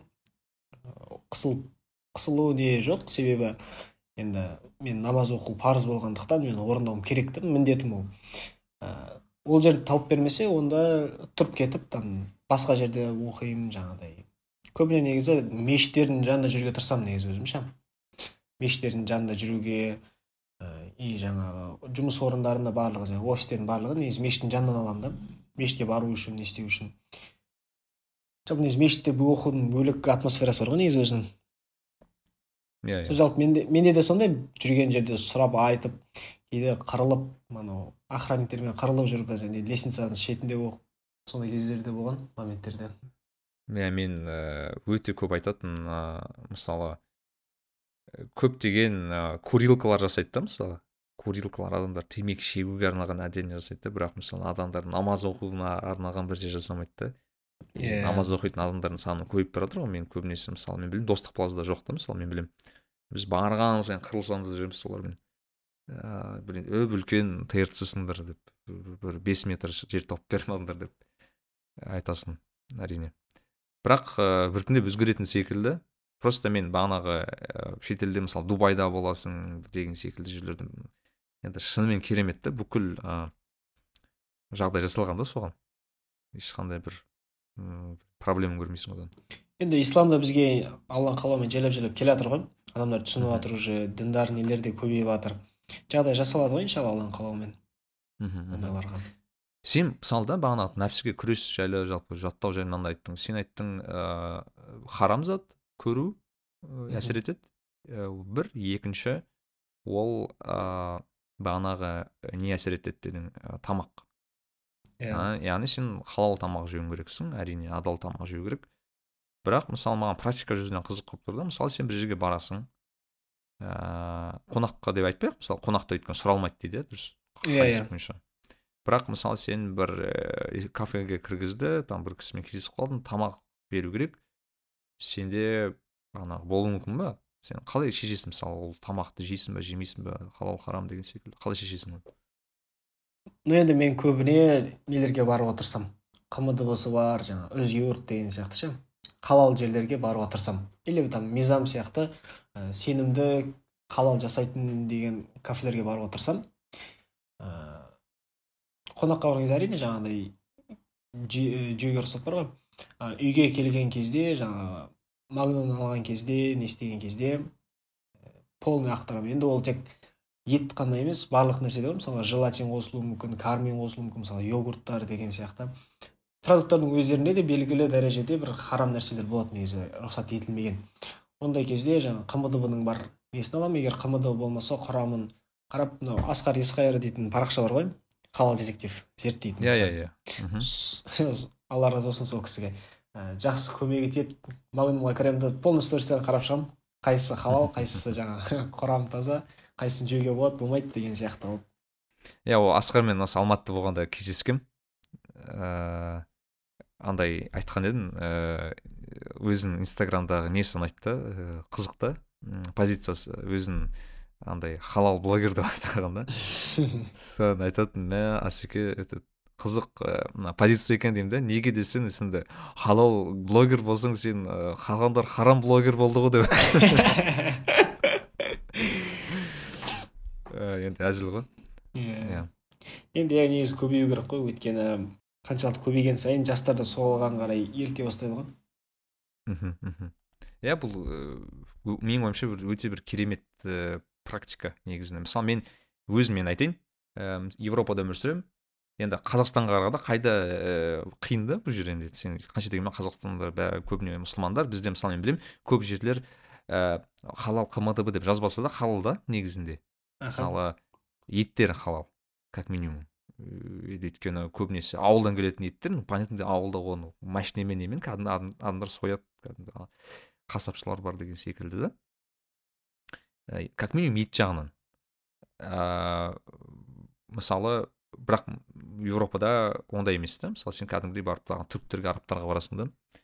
А мен мен көбінесе андай болады ііі бір жерге барсам мысалы пицца заказ береді бір жерге барып. Ыыы пиццаның именно вегетарианский пицца жейсің еті жоқ например. Ә, немесе ә, ет жегің келсе там и сомнение болса балық жейсің деген секілді да менде ә, сондай бір не бар лайфхактар бар короче соған байланысты. Иә алдында анау румида айтқан едіңіз ғой. Достар шақырған кезде не істеген кезде деп. Иә иә иә. Сондай бір ә, не бар өзінің керек лайфхактар бар иә? Сіздің сіздің сынағыңыз сол шығар иә? Тамақпен шығар сынағыңыз иә? Менің та сынағым тамақ және тоже намазхана негізі өйткені намаз оқы енді бір мәселе сен ә, қазақстанда сұрай аласың да намазхананы өйткені намаздың не екенін біледі да адамдар. Түсінікті ғой енді сен иә, иә. кім болса да түсінеді. Тем более қазір оқитын адамдар көп. А еуропада намаз деп түсіндіре алмайсың да өйткені сен типа қалай түсіндіресің? Бір голландық адамға келіп маған prayer там анау мынау деп айтсаң түсінбейді да в смысле prayer деп. Ііі сондықтан ііі просто бағанағы өзімнің лайфхактарым бар. Мысалы мен ііі жазды күндері мысалы далада оқи беремін спокойно. Өйткені бұл жерде как бы елдер вообще ештеңке демейді негізінде. Как ну мысалы паркқа барып бер ну как бы олар паркта бағанағы сен айтпақшы брп жасап жатады немесе жүгіріп жатады сен тұрып намаз оқысаң че ешкім саған ештеңке ну шаруасы жоқ былайша айтқанда саған. Ыыы екінші ну намаз на, намаз оқитын жерлер де бар. Мысалы ыыы мешіттер бар. Ыыы негізі кішігірім кішкентай мешіттер бар деген секілді. Бұл жақта да намаз на- мұсылмандар көбейіп жатыр негізінде. Машалла. Ә, немесе барып ә, нелерге баруға болады. А, ә, просто мысалы халал бір жер сататын болса көбінесе түріктер ә, түріктерден барып сұрасаң болады. Мысалы қай жақта намаз оқиды десе немесе мына жер мына жер деп өздері көрсетеді негізі. Қызық. Сондай бір өзінің лайфхактар бар.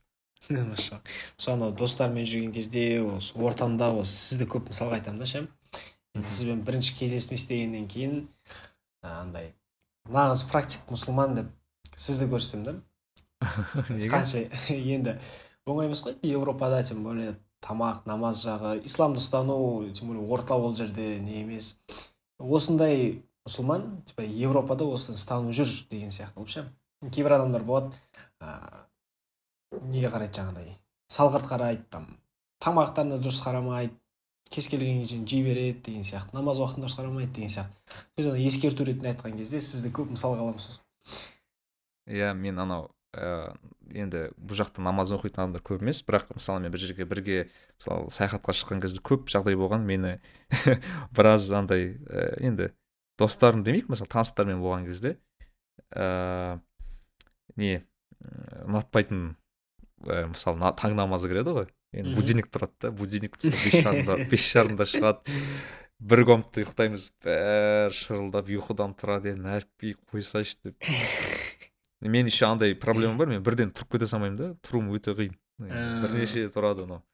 Олар бірнеше рет ұйқыдан тұрады. Мен әлі ұйықтап жатамын. Күлкілі болады. Олар да жынданады. Ә, деп. Ну, иә бірақ менің ойымша қысылудың еш қажеті жоқ мен айтамын жақсы енді өздерің ііі шештіңдер как бы. Бірақ мен как бы сендер қанша жалпы етсеңдер де қанша ұнатпасаңдар да мен оны отказ бермеймін деген секілді. Ә, ол да бір позицияны білу керек та адамда менің ойымша. Приоритеттерді негізі дұрыс қою керек қой өзіне. Мхм мхм. Иә шын айтасың приоритеттер дұрыс болса ешқандай проблема болмайды негізінде. И мен шын айтамын әрқашан сондай приоритетің дұрыс болса алла тағала саған бір шешім тауып береді әрқашанда негізі. Иә. Ә, мысалы намаз оқитын жер таппай жатып бүйтіп ары бері жүрген кезде бір аяқ асты табылып кетеді немесе ә, бір тамақ жей алмайтын жерде табылып тамақ табыла салады деген секілді. Вообще кейде аш жүрсең де ештеңе кетпейді деген секілді да маған. Иә иә. Ну как бы ешқандай бір ә, қысылу ә, не болмайды негізінде шын айтқанда. Мысалы ә, өйткені бағанағы сен айтқан сөзіңде менде бар да мысалы мен айтамын өзіме мен бұны жемесем немесе ә, просто бармасам иә бұл жерге. Қайсысы дұрыс деп айтамын да өзіме мұсылман адам ретінде. Таңдау қойып па? Иә ну как бы от чего я отказываюсь дейді ғой орысша айтқанда. Сондай бір мықты зат па мен отказ беретіндей немесе сондай барып баратындай деп. Приоритеттер дұрыс қоясың да? Ә, болады мысалы кейде ә, даже бір встречаларға барасың ә, мысалы ол жерде халал зат болмаса да бағанағы вегета- вегетарианский жей аласың балық жей аласың немесе мысалы ә, бағанағы алкоголь болса да ну суши аласың деген секілді. В любом случае бір несі бар в общем шешімі бар да соны шешім. иә бірақ шешімін табу жүру керек бірақ бізде бағана салғырттық болмау керек секілді да осы ә, осы маңызды негізі. Бізде өйткені енді тыңдап отқан адамдар болса егер сіздер мысалы бір елге барып ә, енді ол елде жоқ қой деп бағанағы салғырт қарау ол да дұрыс емес секілді да. Как бы принципті ұстандың ба? Яғни мысалы саған дін приоритетті болды ма? Ол приоритет до конца болу керек деп ойлаймын да. Ешқандай не болмасын. Өйткені ол шынымен сенің бір бөлігің секілді. Өйткені маған мен де расын айтайын менде болған мысалы кейде ә, бір кісілермен сөйлесіп жатасың да и айтады мысалы ыыы ну енді көбінесе дін ұстанбайтын кісілер сұрақ қояды да ондай. Сен өзіңді дінсіз дін қалай айтсам екен былай? Мысалы нәрікби бар және дін бар дейді да. Аха. Вот нәрікбиді сен дінсіз елестете аласың ба деп сұрақ қояды мен ешқашан жоқ деп айтамын. Елестете алмаймын. Неге? Өйткені ә, мен үшін дін деген менің бір бөлшегім деймін да. Менің бір жанның бөлшегі сол жақта жатыр да мысалы. Мен алып тастасам вообще елестете алмаймын кім екенімді да мысалы. Ә, и менің ойымша кез келген мысалы адам да сондай ну керек мұсылман адам сондай болу керек секілді өйткені сен как бы ол сен бөлек дін бөлек емес та сенің бір бөлшегің да ол да негізі. Иә. Адам ретінде.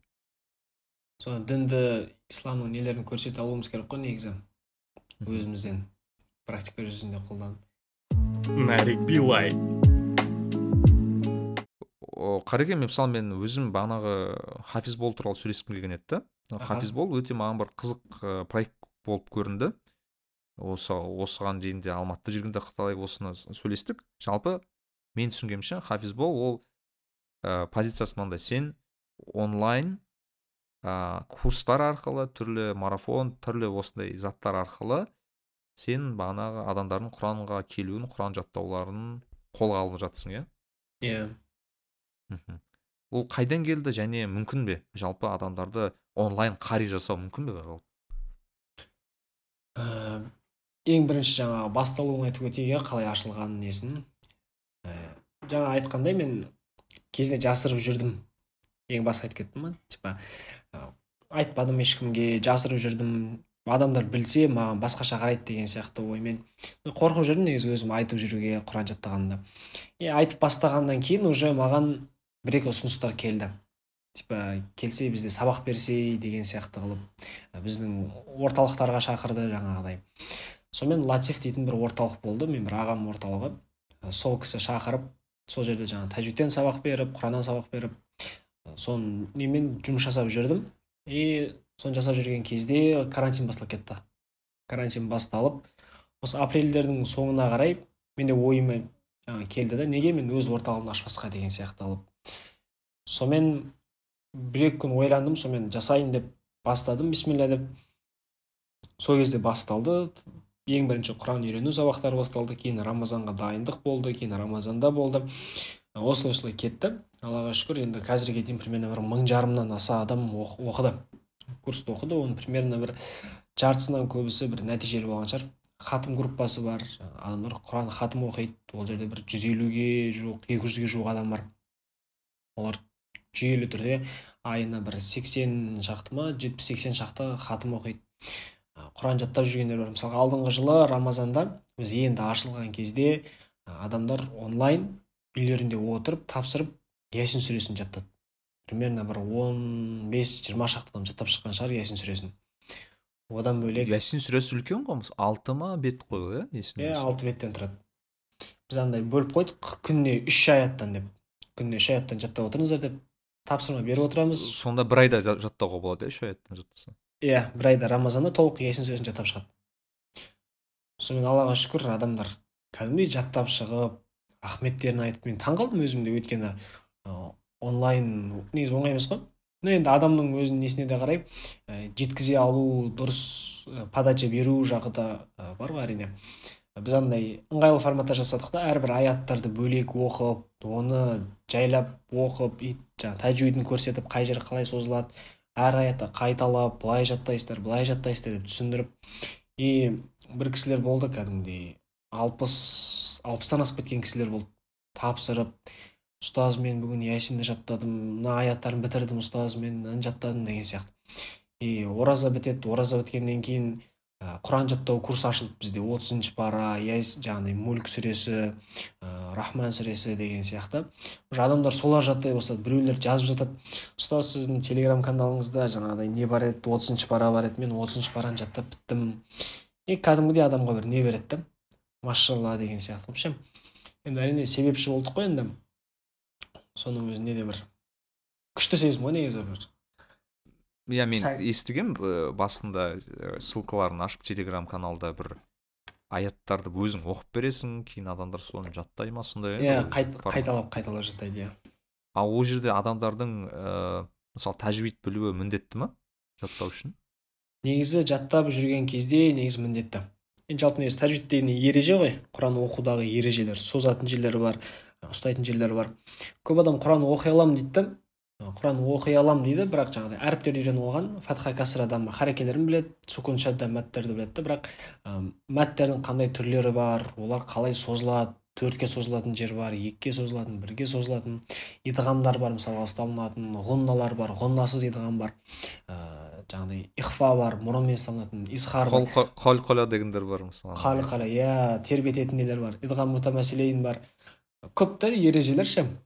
То есть анау құранды оқыған кезде бүйтіп әуендетіп күшті оқиды ғой бір жерін созып бір жерін ұстап бүйтіп кайф береді ғой сол нәрсе жаңа ережелер да тәжвид ережелерін дұрыс сақтап оқыған кезде сондай дыбыстар шығады көбісі ол нәрсені білмейді. Құран оқып білемін дейді да прямой ұрып кете береді оқып жаңағы әріптердің басын қоса қоса аламын болды деген сияқты қылып ше. Иә иә. Негізі ыыы құранда неде бар? Музамил сүресінде бар. Құранды тартилмен яғни ережесімен оқы деп айтады. Жаңағы али радиаллаху анху айтқан кезде жаңағы ә, тәжвидімен дұрыстап оқу керек дейтін мағынаны шығарады ол жерден ше? Yeah. Иә. оқыған кезде ережесімен тәжвидмен оқу керек деп айтады. Ә, ибн жазари де бір сөзінде айтады. Алла тағала құранды тәжвидпен түсірді және біз солай оқуымыз міндет деп айтады да. То есть тәжвидпен түсті біз тәжвидпен оқуымыз керек. И жаттаған кезде де өте маңызды негізі тәжвидпен жаттаған. Иә иә. Мен мысалы осы жерде тәжвидке байланысты мынаны айтқым келіп отыр да біз ә, ханафи масхабын ұстанамыз ғой енді. Ханафи масхабының ә, таралуы ол көбіне орта азия негізінде. Yeah. Иә. орта азия яғни ол ә, түрік түркі халықтар ол түріктер қазақтар ә, қырғыздар өзбектер татарлар тағы осы, осы мемлекеттер жалпы. Және мысалы басқа да ә, мысалы масхабтар мен, мен есімде болса мүмкін шатасуым мүмкін шығар. Бірақ есімде болса шафи масхабында ыыы ол шафи масхабын көбіне арабтар ұстайды мен білсем. Ол мысалы ыыы кімдер? Ыыы бағанағы египет жақын есімде болса осы африка елдері солтүстік африка елдері тағы осы осы осы региондар ұстанады да. И оларда мысалы ә, дұрыс ә, нені шығарма? Мысалы созатын жерді дұрыс созбасаң немесе бағанағы тәжвидті дұрыс сақтамасаң кейде намаз да қабыл емес деген сөз бар бір міне, ә, пікір бар да мен естігенім бойынша. Өйткені ә, ну как бы мысалы қалай да мысалы фатиха фатиха деген бірінші сүре да мысалы. Фатиханың өзінде қанша ә, не бар ә, созулар бар да мысалы. Иә. Yeah. бағанағы қанша әріпке созу керек қанша неге созу керек оның өзінде болса бір он екі жерде ма әртүрлі не бар. Ә, жері бар да короче созатын немесе бағанағы заңдар бар. И осыны сақтамасаң да ә, мысалы ә, қабыл емес деген секілді бар. Оларға айтатын себебі не? Өйткені олар арабтар деп айтады түсіндіреді да яғни көбінесе ол шафи масхабын ұстанған кісілердің өздері араб тілді кісілер. Ә, өйткені олар оны біледі яғни жасау керек. Ал хафи ханафи масхабында олай қатты емес деп айтады да. Енді ол жағынан. Себебі енді біздер араб араб ну тілі біздің ана тіліміз емес болғандықтан деп түсіндіреді жалпы. Бірақ все равно андай кириллицаны жаттап кириллицамен оқып жаттап алғанда жарамайды да негізі. Иә андай не ғой? Ә, құран оқыған кезде бір не только что созу бір ереже болсын жай әшейін дыбысталудың өзі әріп басқаша дыбысталса ол мағына өзгеріп кетеді. Мысалға араб тілінде үш сөз бар. Біріншісі халақа екіншісі халақа үшіншісі халяка жаңағы ха әрпі араб тілінде үш түрі бар. жаңағы х бар ха бар одан кейін ха бар. Жаңа айтқан үш сөз құранда келген кезде егер қате оқыса онда мағына өзгеріп кетеді. Мысалға құранда бар жаңағы алла аспандар мен жерді жаратты дейтін. Халақа дейтін жаратты дейтін мағынада. Екінші бір сөз бар халақа бар. Енді осы жерде жаңағы дыбысталуын халақа емес халақа деп айтатын болсақ ә, халақаның мағынасы қысқартты дейтін яғни шашын қысқартты дейтін мағына. Халақ дейтін шаштараз дейтін мағына. Енді халақаллаху деп айтатын болса алла кешірсін алла аспандар мен жердің шашын қысқартты дейтін мағына болып кетеді да ну вообще қатысы жоқ қой негізі одан кейін мысалға халака бар. Халака апат болу жоқ болып кету дейтін мағынада. Халака болып дыбысталып кететін болса онда аспан мен нелерді жаңағы аспандар мен жерді апат қылып жоқ қылып жіберді дейтін мағына келеді. Яғни бір дыбысталудың өзі бір үлкен аяттың бір сөйлемнің кәдімгі мағынасын өзгертіп жібереді сол себепті дыбысталуы созуына өте қатты негізі мән беруіміз керек. Ә, біз жақтағылар енді арабша жөнді не істемегендіктен жақсы жетпегендіктен ол қатты мән бере бермейді негізі ше. Бірақ өте опасный нәрсе негізі. Мынау қарапайым азан шақырғанның өзінде мысалға аллаху әкбар дейтін сөздің өзінде әкбар деп негізі бәрі созылмайды. Бірақ кейбір адамдар әкбар деп созылып жатады ал әкбар деп созылған уже мағынасы алла ұлық қой аллаху акбар алла ұлық дегенді әкбар деп созса уже алла ұлық па деген сияқты уже күмән келтіріп жатқан сияқты болып тұрады да. Мәссаған оны білмеппін мен. осындай бір моменттер бар да. То есть бір дыбысталу бір созудың өзі кәдімгідей ә, намазды бұзып енді алла кешірсін енді алла білуші ғой кейде діннен шығарып жіберуі де мүмкін да негізі ше. Өте опасный нәрсе. Ә, сол себепті осы махраж әсіресе махраж и тәжвид осыған қатты көңіл бөлу керек құран оқыған кезде намазда әсіресе. Осы сен жақсы бағанағы нені қозғадың да тақырыпты. Мен ә, бөлек бір ұстаздың осы діннен не шығарып жіберуі мүмкін деген енді курс деп айтпай ақ қояйын бірақ лекцияларын тыңдаған едім да. Ә, бір ұстаздың сол кезде өте бір важный заттарды айтты маған негізі өте маңызды заттар айтты. Мысалы ә, мұсылман бола тұра мұсылман емес адамдарға еліктеу деп мысалы затты келтірді мысалы христиандардың киімін кию деген секілді.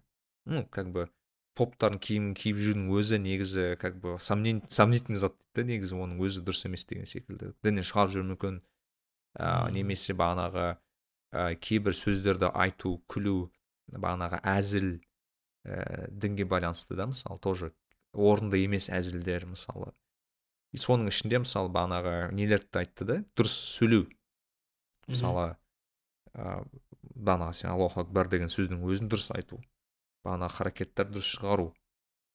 Өйткені расымен адам баласы білмейді шығып кетуі мүмкін деп түсіндіреді түсіндірген еді да. Сол кезде мен yeah, өзім yeah. өзім айтқан едім блин бір затты ақыры ұстандың ба? До конца ұстан және дұрыс ұстан деген сондай бір не установка қойдым да яғни сен ақыры осыны таңдадың ба? До конца зертте яғни. Ә, соңына дейін зертте.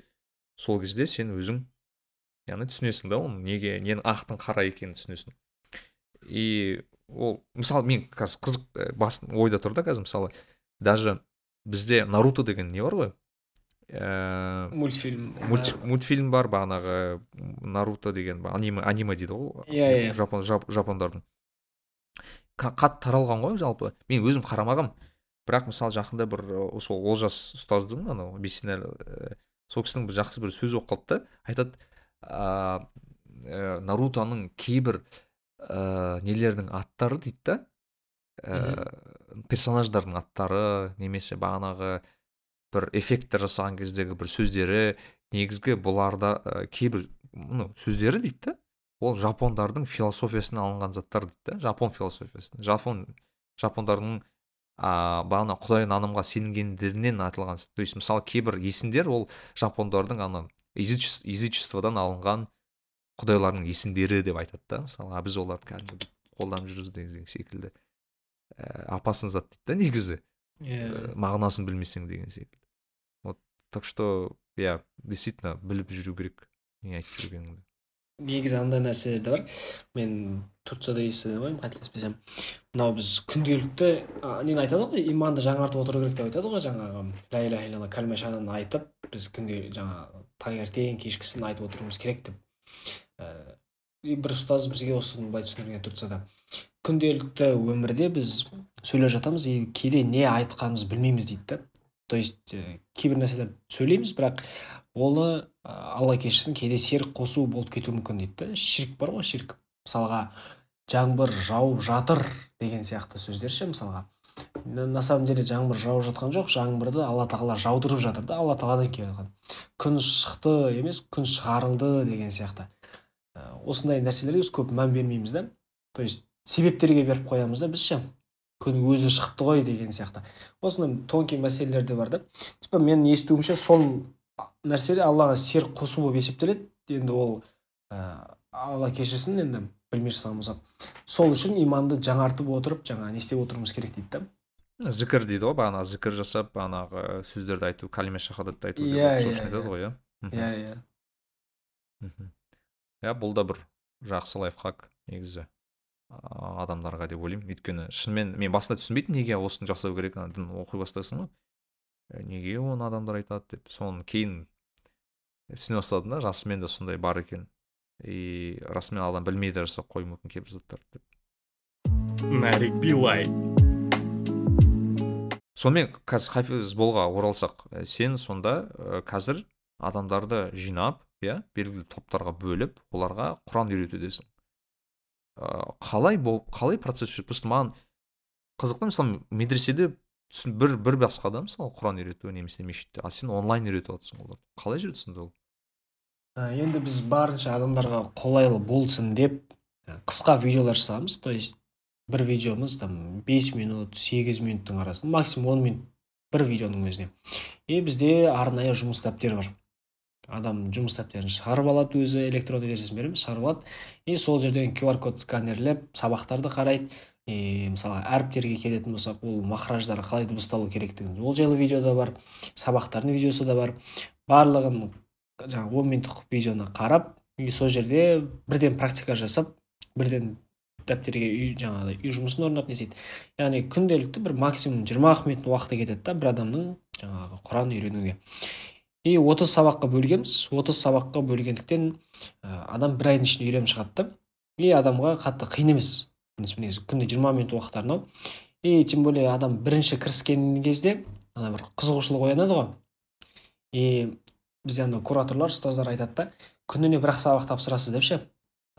Кейбіреулер болады мысалы мотивациямен алып мен бес алты сабақ тапсырып тастайын деген сияқты қылып и бүкіл мотивациясын құртып тастап ертеңгі күнге дым қалмай қалады деген сияқты. Сол үшін біз он ақ минут сабақ болады и үй тапсырмасы болды. Максимум сол да екі үш төрт бес көп сабақ қабылдамаймыз да яғни аз аздан жасап отырып и бір жағынан адам бір айдың ішінде өзі үйреніп қалады да ол нәрсеге ше тұрақталып қалады.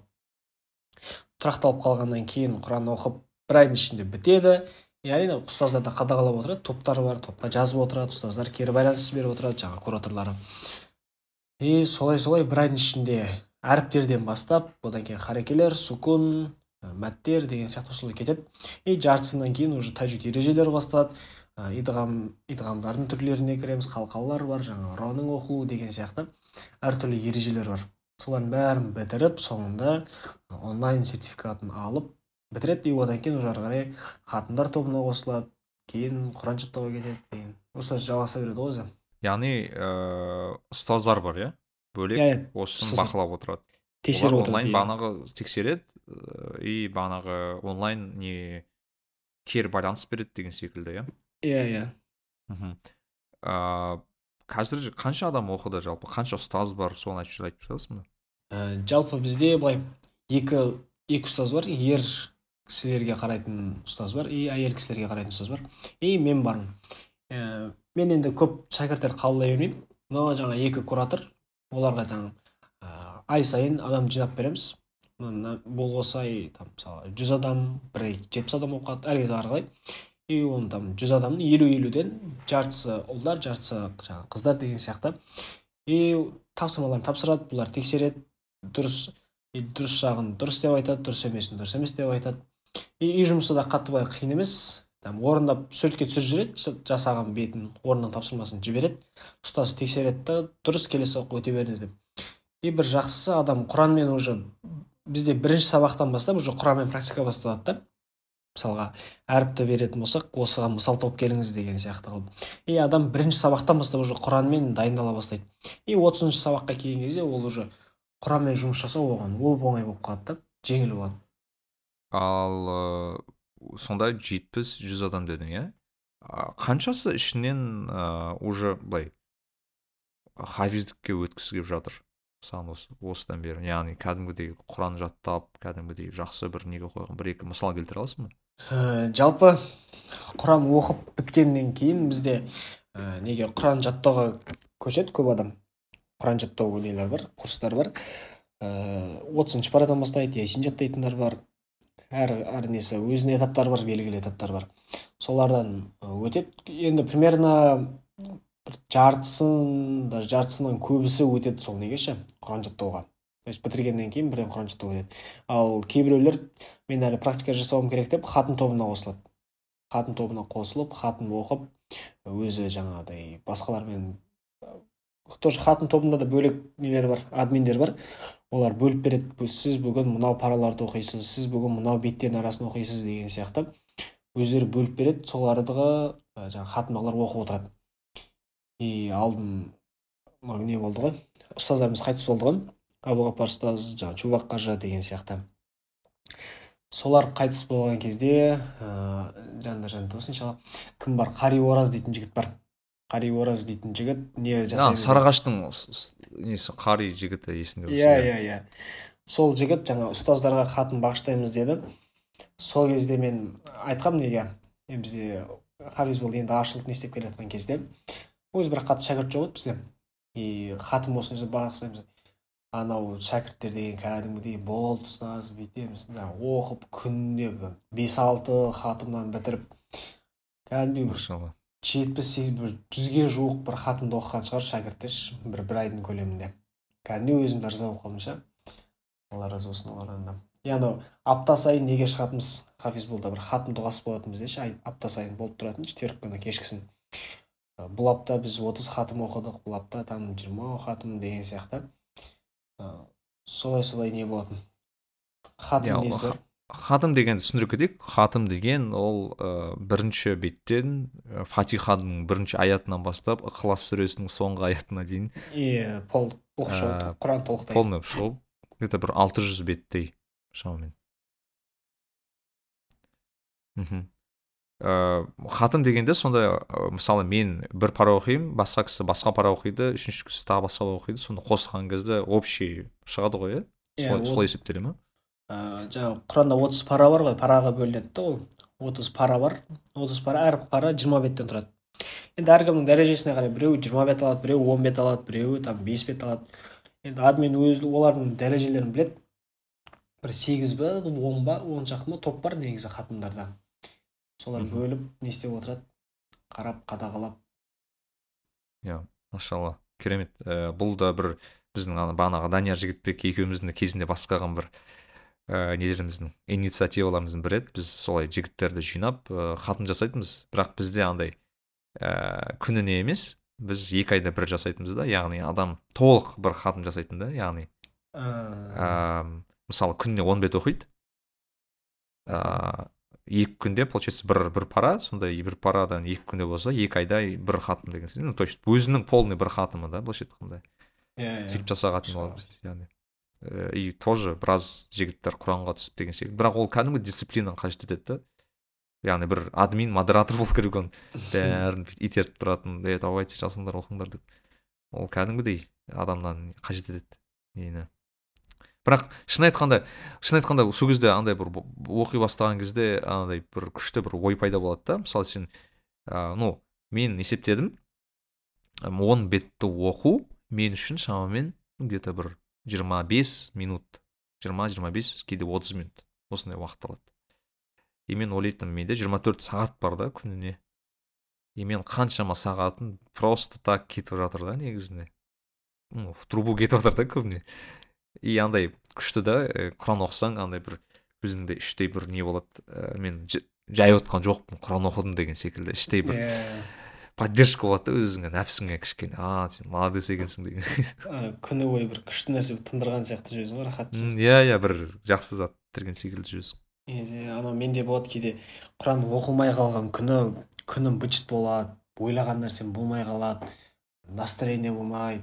Кейде болады сонау құран оқи алмай қалған кездер болады да мысалы таңертең оқи алмай қалған кезде или там түсте оқи алмаған кезде. Құран оқыған күні бір береке болып кәдімгідей жолығулар да сәтті болып жұмыста жақсы жүріп көңіл күй де кәдімгі әсер етеді негізі қатты әсер етеді. Құран оқып жүру күнделікті неге қатты әсер етеді? Мхм. Ал жалпы қареке мысалы сұрақ ыыы бізде айтып жатады да құран оқисыңдар оқисыңдар сендер бірақ құран түсінбейсіңдер құранды түсіну қаншалықты маңызды? Өйткені біз расы керек құран оқығанымызбен енді құранды түсіну ол вообще мүлдем басқа зат иә? Мысалы ол кәдімгі біз тәпсірмен отырып немесе аудармасымен отырып оқуымыз керек ол оқығанмен бірдей емес деген ғой. Не как бы просто құранның өзін оқығаннан бөлек. Негізі барынша түсінуге тырысу керек. Анда мысалға ең бірінші этап ол құран оқып үйрену да. Ең бірінші этап құран оқып үйрену. Құран оқып үйренгеннен кейін құранды тұрақты түрде оқып отыру ол екінші этап. Құран толық оқығаннан кейінгі үшінші этап ол жаңағы аз уақыттың ішінде хатым жасай алу деген сияқты. То есть лестницамен кете береді ғой. А одан кейін уже там құранды мағынасын түсіне бастау деген араб тілін үйрену деген сияқты этаптар келеді да но мен ә, кеңес беремін мынау арман ұстаз ә, нені тәпсірлейді сүрелерді ше мысалы әнбия сүресінің үш аятын алып жаңағы бір сағаттық қырық минуттық жарты сағаттық уағыз айтады да мешітте. Сода жаңағы тәпсірлеп түсіндіріп береді. Өте мықты жеткізеді да. Енді біз ә, мысалы құранды ашып оқығаннан көп былай примерно түсінгенімен мағына шығара алмауымыз мүмкін да. Мысалы екі үш аяттың өзінен олар елу минуттық уағыз жасайды.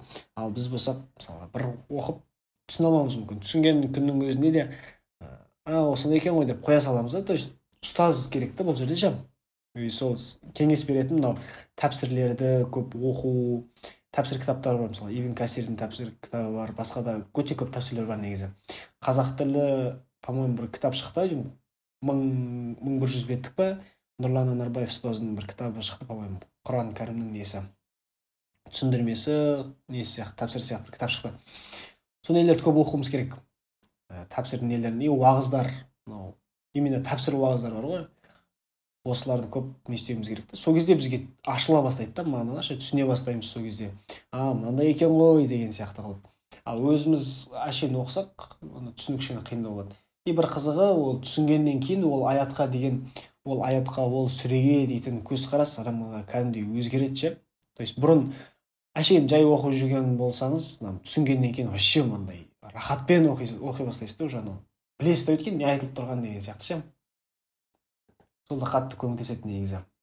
Әсері көбірек намазда да әсері көбірек иә? Иә иә иә. Сол негізі ең жақсы вариант негізі араб тілін үйрену ғой. Араб тілін үйренсе көп нәрсе көмектеседі. Тәпсірді арабшасын оқуға да құранды жайлап түсіне бастауға да хадистерді басқа да білімдерді үйренуге де жақсы көмектеседі. Сен өзіңнің қазір араб тілін қалай жалпы ыыы сөйлесуге жазуға былай жеңіл шығар саған енді ә, оқып жатырмын енді нұрмаракта қазір білімімізді жалғастырып жатырмыз. Одан бөлек онлайн жаңағы нелер бар? Ютубта сабақтар бар. Соларды қарап ә, араб тілін дамыту жаңағы не істеуге көңіл бөліп жатырмын. Ә, маған негізі жеңіл өте жеңіл енді аллаға шүкір. Енді құран жаттап алғаннан кейін қатты қиыншылық жоқ. Анау мен нұрмарактың подкурсы бар шымкентте. Мен сол жерде бір жыл оқығанмын бірге оқыған жігіттер кәдімгідей не істейтін ғой? Таң қалады да ше. Енді кәдімгі разница білінеді мен құран жаттап келгеннен кейін. Маған арабша сөздері арабша нелері де жеңіл болады да. Өйткені жаттау дейтін нәрсе вообще маған оп оңай нәрсе да. бір балдар азаннан кешке дейін жүріп там бір жарты бетті жаттап жүрсе маған максимум бір бес минут уақыт кетеді да он минут деген сияқты ше. Бір оқимын үш төрт рет оқығаннан кейін жаттап аламын деген сияқты. И бір қызығы құран енді грамматика негізі құранға қарап алынған да мынау сарф наху болсын жаңағыдай морфология синтаксис бүкіл осы грамматика. Иә. Иә құранға қарап алынған да ә, енді мен құранды жаттап алғаннан кейін былайша айтқанда мен грамматиканы білемін да но оны жаңағыдай ә, нақты білмеймін. То есть қалай ә, жаттап алғам. Мысалға айтады мен дейтін сөзден кейінгі келген сөз кәсірмен бітеді деген сияқты нәрсені. Мен автоматически білемін да өйткені құранда бүкіл жерде солай келеді да. То есть грамматиканың основасы менде отырған. Но соны кішкене тереңірек естіп алғаннан кейін маған түсінуде қатты қиын болмайды да. Мен ә, бір қызық болған ә, менің араб бір ә, әріптестерім бар да сол кезде бір сөйлесіп жатқан кезде кейбір сөздерді айтып қалған кезде тоқтатамын да. Тоқта тоқта мен мына сөзді білемін деймін да арасында айтып қалады ғой бір сөздер. Иә қайдан білесің сен құранда осындай аят бар еді ғой деп айтамын да сол кезде. А машалла біледі екенсің ғой иә сол кезде қызық болатын иә нарик билай мен осы нұрбараққа байланысты сұрақ қой. Сен қазір оқып жатсың иә нұрбаракта ыыы дін дінтану иә или исламтану. Исламтану иә исламтану. Кәдімгі ол имамның оқитын оқуы ғой иә? Иә иә. Кәдімгі. Ислам тереңірек зерттейтін. Маған мен менде мынандай сұрақ та сен қазір ә, құдай қаласа бітірсең жалпы ары қарай не жоспар сонда сен кәдімгідей ә, айтайық бір мешітке ұстаз болып бару имам болып жұмыс істеу немесе басқа жаққа бару. Қандай жоспар? Ә, жалпы менің жоспарым ә, енді имамдық ә, ұстаздық не емес. Ә, мен біріншіден түскен мақсатым ә, діни білім алу негізі. Діни білімді жақсарту өз деңгейімді көтеру. Одан кейін арабшаны жақсарту құранды түсіну деген сияқты ше. Құранды и хадисті арабшасынан қараған кезде түсіне алатындай дәрежеге жету негізі. Ә, негізгі мақсатым осы нұрмараққа түскендегі. Ә, ал болашақта неге келер болсақ әзірге планда иншалла медресе ашу және шәкірт тәрбиелеу дейтін не бар? Ә, ой бар. То есть шәкірттерді алып келіп отырғызып оларға там енді күнде жандарында отырмасам да соларға қарап жүріп солардың жағдайларын жасап и бір жағынан кәсіп жағына да көшіп кәсіп жағын жақсылап қолға алып ә, медресені там ешқандай спонсорсыз өзің жаңағыдай қамтамасыз ете алатындай бір дәрежеге дейін жетіп и қарилар шығару иншалла алла қалауымен и қазақстанда бір жоқ дегенде иншалла кемінде бір он мың қари сондай не ғой? Шығару ғой иншалла мақсат. Машалла не деген? Он мың. Қанша жылдың ішінде он мың? Ну максимально алайық бар ғой қазір елестетіп көрейік деген ғой. Ну примерно мысалға біздің медреседе ә, мен оқыған медреседе мысалға жылына жүз қари шығатын. Жылына жүз қари шығады жүз қари шықса ол қанша? Жүз жылда шыға ма? Енді менің ойым андай ә, бірнеше филиалдар ашып деген сияқты ше мысалға. Астанада алматыда давай есептеп көрейік мен инженермін ғой. Давай қара. Он мың он мың қари шығару керек иә аха. Сен айтайық жүз қари шығара аласың ғой бір жыл бір медреседен. Мүмкін иә бір бір медреседен қиындау болады. Үлкен медресе болу керек ол үшін. Ну айтайық ладно бір шамамен қанша елу шыға ма? Хотя бы. Бір медресе мысалға жүз бала оқиды десек примерно бір отыз қари шығады. Отыз қари иә бір медреседен отыз қари ладно примерно айтайық сонда жүз қари шығару үшін үш медресе керек қой сонда да? Примерно иә үш медресе керек болады. Үш медресе ол жылына жүз қари шығарса отыз медресе мың қари шығара ма отыз қари мың қари шығарады. Иә сонда бізге ну қара қара біз отыз оңай ғой есепте қара. отыз медресе ашамыз құдай қаласа. Ол отыз медресе жылына мың қари шығарса бізге он жылда он мың қари болады дұрыс қой? Иә. Он ақ жыл. Онда жиырма отыз мың деп көбейте берейік қариялардың санын ол кезде ше? Негізі бар ғой. Мен енді бизнес тұрғысынан қарасақ ше біз егер қарилардың санын көбейтсек иә мысалы шынымен качественный сапалы қарилар шықса қарилар көп емес қой әлемде. И как бы уже андай ханчить ете бастайды да мысалы біз мына жақта оқу керек еді мына жақта оқу керек деген секілді. Ол тоже экспортқа шығара аламыз деген ғой. Иә сол андай мен нені қалаймын да? Мысалға көп адам құран жаттайтын кезде турция мен египетке қызығады. Көбіне турцияға қызығады негізі. И мысалға шетелдіктердің қазақстанға қызыққанын қалаймын да тоже ше. Жаңағыдай қазақстанда мынандай медресе бар екен әлем бойынша мынандай қарилар шығарады екен деген сияқты.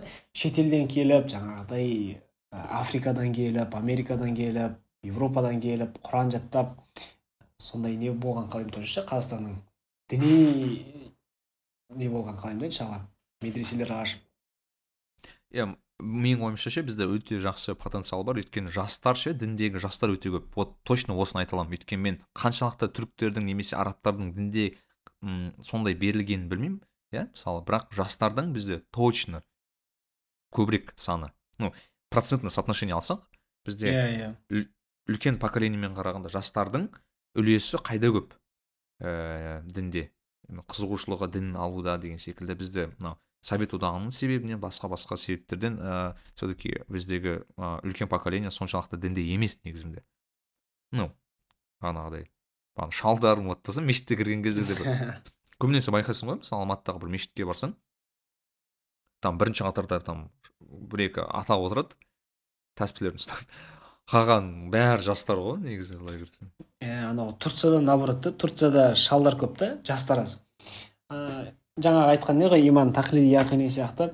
Олардікі жаңағы то есть біздің қазіргі жастар уже осознанно келе жатыр да исламға дінге деген сияқты ше намазға құранға қарилыққа уже осознанно келгеннен кейін олар уже оның қадірін біле бастайды уже.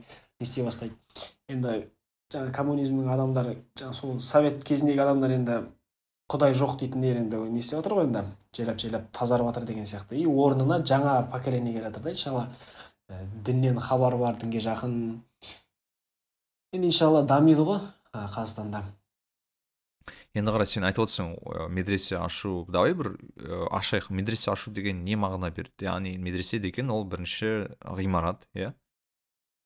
Ә, екінші ол бегіне бір демеушілік иә былайша айтқанда сырттан келетін. Өйткені ол понятное дело ол ақшамен өте қиын ә, не істеу қамтамасыз ету деген секілді. Ә, жоспар бойынша бірінші медресені қашан ашқың келеді сен өзің? Ә, жалпы негізі медресе ашудан бұрын мен мына нәрсені тексеріп көргім келеді да. Ә, бір үйді жалдап там сол жерде бір он он бес шақты бала оқытып деп ше деген сияқты қамтамасыз етіп продуктімен там төсек орын несін барлығын қамтамасыз етіп бірінші осындайдан бастап көріп кейін ә, жақсы жүріп уже жүйе бір белгілі нәрсе түсінгеннен кейін уже медресе салып ә, жаңа айтқан нені примерно бір мен бір жарым даже бір жылдың көлемінде де жоспарлап отырмын негізі ше иншалла. Максимум бір екі жыл шығар. Бір үйді арендаға алып үш жүз төрт жүз мың теңге болса. Ар жағында ну примерно бір алты жүз жеті жүз мың теңге айына кетсе но зато он бес жиырма бала құран жаттап жатыр деген сияқты. Ә, одан кейін уже бір бес жылға бес жылға дейін бір медресе салып ә, официально там тіркеп не істеп деген сияқты. Сондай ой бар иншалла. Менде мынандай ой бар да тоже осыған байланысты. Енді құдай қаласа ашылады деген сенімдемін. Ә, бірақ ә, мен қазір ә, краудфандинг деген затқа қатты сенемін. Мен тіпті осы подкасттың өзінің астында ссылка бар каспиға мысалы арнайы жасалған да. Негізі мен қазір осыны қатты көтергім келіп жатыр. Яғни осындай проекттерді мемлекет емес үлкен бір спонсорлар емес халықтың өзі қолдаса екен деймін да. Және де ағылшын тілінде айтқанда консистент деген сөз бар. Яғни жүйелі түрде қолданғанын қалаймын да. Мысалы мен подписка деген затты қалаймын. Мысалы мен точно айтамын айтайын. Айталық мысалы құдай қаласа осы медресеңе айына бес мың теңге беріп тұруға дайынмын иә мысалы. Аха. Және мен ай сайын саған салып емес подпискаға отырамын просто subscription. Ай сайын менде мысалы осы күні ә, осы медресеге ақша салып тұрады. Болды бұл менің ә, стабильный құдай қаласа ақыретке деген инвестициям деп түсіндірсем болады да негізі расымен айтқанда сол ғой. Біз көбінесе инвестиция деген кезде тек дүниелік емес ақыреттік инвестициялар да бар да мысалы ол да бір жақсы инвестиция мысалы и мен ойымша осыны бір қолға алғым келіп отыр былайша айтқанда. Осындай осындай проекттерді негізі.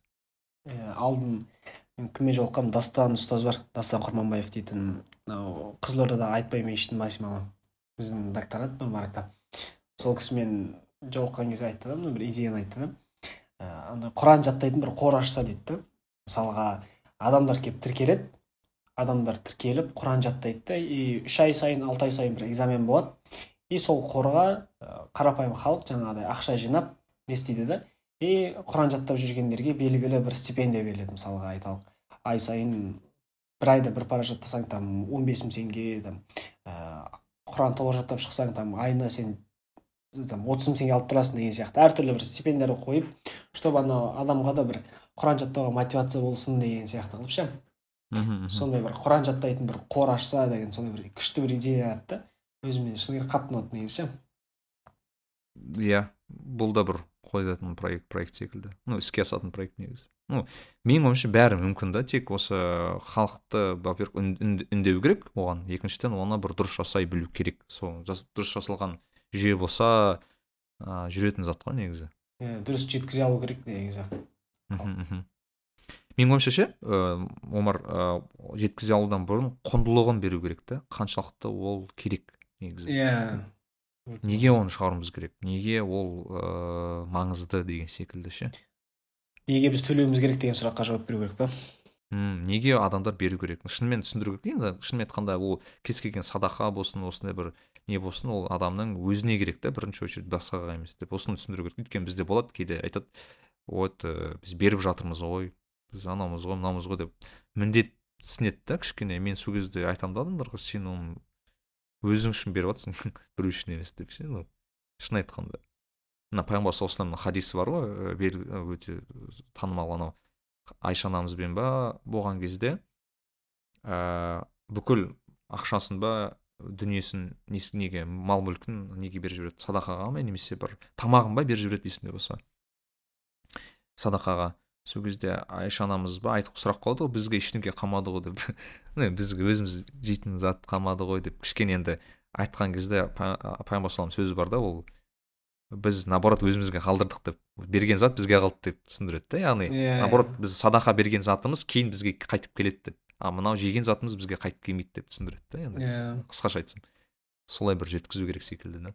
Анау нені алдын муфтименгтің несін тыңдап жатқанмын бір лекциясын тыңдап отырдым да и зекет жайлы айтады да. Осы зекетті мен жаңағы қарапайым мектеп оқушыларына былай түсіндірдім дейді да. Ә, елестетіңдер дейді. Сендердің қолдарыңда бір алма бар дейді. Осы алманы жеп жатсыңдар жеп жатсыңдар жеп жатсыңдар и алма уже бітті дейді соңында сендердің қолдарыңда бір жаңағы ішіндегі сүйегі қалды. И кішкене бір бөлігі ғана қалды дейді енді осы сүйегін алып жаңағыдай сендер жесеңдер я болмаса тастасаңдар оны то есть оны егіп екпесеңдер оны тастасаңдар ол құр кетеді дейді да. Ал егер оны алып ексеңдер онда сендерге одан да көбірек алма беретін бір жеміс болуы мүмкін дейді ағаш болып сендерге одан көп жеміс беруі мүмкін. Бірден бермейді бірақ береді деген сияқты ше. Дәл сол сияқты мысалы зекет екі жарым пайыз ғой мысалға табыстар. Екі жарым пайызын берсеңіз ертеңгі күні сіздің ә, неңіздің өсуі то есть екі жарым пайызын да өзіңіз жеп қоймасаңыз жаңағы инвестиция берсеңіз ертеңгі күні өзіңізге он есе жүз еселеп қайтып келеді дейді да. Как что вот құдай қаласа омар қазір жиырма жаста ә, давай бір он жыл деп айтайық келесі примерно отыз отыз бестерде оннан қарай шығару керек. Иншалла. Амин иншалла. Ә, ә, омар менде бір мынандай сұрақ бар. Сен білетін шығарсың ә, камиль ә, самигулин деген кісі туралы естіп пе едің? Ә, ол ә, татарстанның и муфти есімде болса. Камиль хазрат деп айтады көбінесе ол кісіні. Ол кісі өзі қари аха. Иә ол кісі өзі қари ә, ресейде жалпы өте танымал кісі. Инстаграмы жалпы өте спортсмен бағанағыдай. Өте бір жан жақты кісі былайша айтқанда өзі четкий дейді да сондай бір четкий кісі. Қари көптеген білімдерді алған біздің ана азан кезетке құран аударған кісі орыс тіліне. А. Машалла. Иә өте бір жан жақты кісі да. И еще муфти кәдімгі. Татарстанның бүкіл татарстанның муфтиі қазір. И сол кісінің ә, бір керемет бір кітабы бар. Ә, каждый может стать хафизом деген орысша кітабы бар. Мхм ә, оқуға кеңес беремін негізі. Енді прям мықты саған дейтін не бермейтін шығар. Бірақ маған өзіме әсер еткен еді да өйткені ол кісі кәдімгідей көптеген бағанағы историялар келтіреді да қалай мүмкін неге жаттау керек деген секілді. Ә, и аты айтып тұрғандай ол айтады каждый может стать хафизом деп айтады да. Яғни кез келген адам хафиз бола алады деген иә алып келеді да. Сен осымен келісесің жалпы ә, мен менің бұл жердегі сұрағым яғни кез келген жаста кез келген уақытта мен кейде ойланамын мысалы кейбір адамдар отызда келеді. Яғни уақыт қаншалықты әсер етеді ондай хафиз болады деген адамға? Негізі ә, біздің басымыздағы стереотип қой негізі. Жасым үлкен болды там миыма кірмейді деген сияқты ше. Мен болды жаттай алмаймын деген сияқты. Жас кезде жаттау керек еді там он сегіз жиырма жасқа дейін жаттау керек негізі деген сияқты стереотиптердің кесірінен көбіне негізі құран жаттай алмай жүреді. Осы бірінші момент. Екіншісі ә, негізі жасқа қарамайды по идее. Мынау мен қай бір жерден оқыған едім. Біздің денеміз определенно бір қырық жасқа дейін ба елу жасқа дейін жақсы активный жұмыс жасайды. Одан кейін уже жайлап төмендей бастайды да. Ал миымыз ондай емес. Миымыз жасап тұра береді. Миымызда ондай не жоқ шек жоқ та. Просто біз өзіміз оны шектеп тастаймыз да. Ә, жаңағыдай миымызды дұрыс қолданбағандықтан там мысалға физический нені спортпен айналысқан кезде денеміз дамыған сияқты біз құран жаттап или там басқа нәрсе оқып не істеген кезде біз миымызды не жасайды тренироваться етеді ғой былайша айтқанда. Ал спортпен айналыспасақ денеміз там әлсіреп там неміз кетуі мүмкін деген сияқты миымыз да сондай да қолданбасақ миымызды онда оны да құртып алуымыз мүмкін да. Там инстаграм болмайтын нәрсеге шұқылап уақытты құртып дұрыс жолға пайдаланбағандықтан миымызды ә, дұрыс не істей алмаймыз да. И содан кейін зейіннің жабылуы ұмытшақтық. Көп адам айтады мен ұмытып қала беремін жаттағанды ұмытып қала беремін миыма кірмейді деп айтады. Енді көп күнә жасағаннан ол да қатты әсер етеді негізі. И миды дұрыс пайдаланбағандықтан орынды пайдаланбағандықтан. Ал енді жаттау жасына келер болсақ негізі ешқандай шектеу жоқ. Мен өзім ә, көрген бір кісіні айтайын. Біздің турцияда ә, медресе оқып жүрген кезде бір кісі келді. Баласы турция бойынша құран жарысынан бірінші орын алған. Аты есімде жоқ. Мехмет аты мехмет болу керек мехмет екенжи ма сондай? Екінші орын ба бірінші орын алған. И сол кісінің әкесімен бірге келді. Әкесі ахмет дейтін бір кісі. Өзінің историясын айтып беріп жатыр. қырық сегіз жасында енді баласы там құран жаттаған жас кезінде и там жарыстарға барған орын алған естіген и әкесі қатты қызыққан анау баласына ше. Мен балам кәдімгідей құран жаттап қари болып не деген күшті нәрсе деп папасы да қызыққанда папасы қырық сегіз жасында құран жаттап бастайды. Ойлаңыз қырық сегіз жасында ол по моему машина жөндейтін источник бар ғой сондай бір жұмыс жасайды. қырық сегіз жасында құран жаттап бастайды да и елу жасына дейін құран жаттап бітеді елу жасында толықтай. И екі, екі жылдың ішінде құран жаттап бітіп одан кейін барып жаңа айтқан экзаменге кіреді экзаменге кіріп сертификатын алып ол да қари атанады папасы. Ана баласын көріп қызыққаннан да ә, одан кейін қазақстанда бір естуім бар еді алпыс жасар пенсияға шыққан бір кісі алпыс жасында құран жаттап бастайды. Сонымен он жылдың ішінде құран жаттап бітеді жетпіс жасына дейін. қазақстанда болған жағдай ма бұл? Қазақстанда болған иә. Мен естіген бір шал кісі ата. алпыс жасында бастап жетпіс жасында құран жаттап бітірген. Дәл осы сияқты өте көп нелер бар. Енді жаңа айтқандай ол басымыз өзіміздің шектеуімізден ғой. Анау бір кісі айтқан еді. Біреу айтқан ғой инстаграмға жазған ғой. Ә, там құран жаттаған кездегі ең аз жаттау керек бес жазған да ше. То есть бес беттен ең азы бес бет жаттау керек деп. Ал ол египетте ә, жаңағы енді арабша білетін мықты кісілерге айтылған нәрсе екен да негізі. Ал одан хабар жоқ бір қазақстан қарапайым бір студент қой негізі. Хабар жоқ бір кісі соны оқып алғанда е осы осыны екен ғой деген сияқты қылып ол құран жаттап бастағанда үш айдың ішінде ма құран жаттап біткен ғой ана кісі. Екі жарым айда үш айда құран жаттап біткен. бес беттен жаттаған мүмкін да кемі сондайдан бастаған тағы. Сондайдан бастаған. Сөйткен да одан кейін екі айдан кейін үш айдан кейін жазған ғой.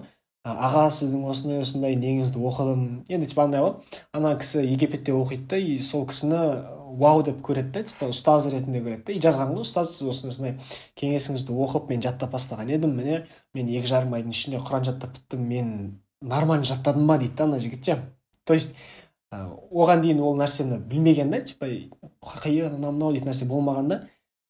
И қысқа уақыттың ішінде солай жаттап шыққан. Ана не бар еді ғой? Бір қай кісі еді? Математика сабағы болып жатқан кезде кіреді да кешігіп қалып әлем бойынша шығарылмаған есепті байқамай шығарып жіберетін бар еді ғой. Иә иә иә иә. Сол сол сияқты байқамай жаттап жүрген кісі. То есть ол неге қарамайды? Жасқа қарамайды ол неге қарамайды? Уақытқа неге қарамайды? Любой уақытта кез келген уақытта жаттауға болады негізі. Просто өзіміздің шектеуіміздің кесірінен ғой. Бір кісілер болған там үйінде отырып құран жаттаған кісілер болғаншы үйінде отырып ақ құран жаттаған кісілерді де білемін да. Құран жаттап там ұстаздан барып тапсырады. То есть медресеге барып там екі үш жылды құртып ондай шарт емес та. Үйде де отырсаңыз жаттасаңыз да болады. Ә, любой кез келген жаста да жаттай берсеңіз болады.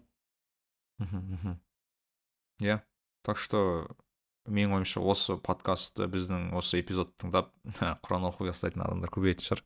Иншалла иншалла иншалла анау мен есіме түсіп кетті ғой анау бағанағы фахталь хандаридің анағы путешественница құранында бір күшті не келтіреді да бір ііі есімде болса бір кісінің қыздары бар екен да үйінде. Үш па төрт қыз бар төртеуі де қари да қыздарының. Сөйтсе таңқалады екен да қалай сенің қыздарың қари? Өзі қари емес та бірақ. Ііі и әйелі де қари емес.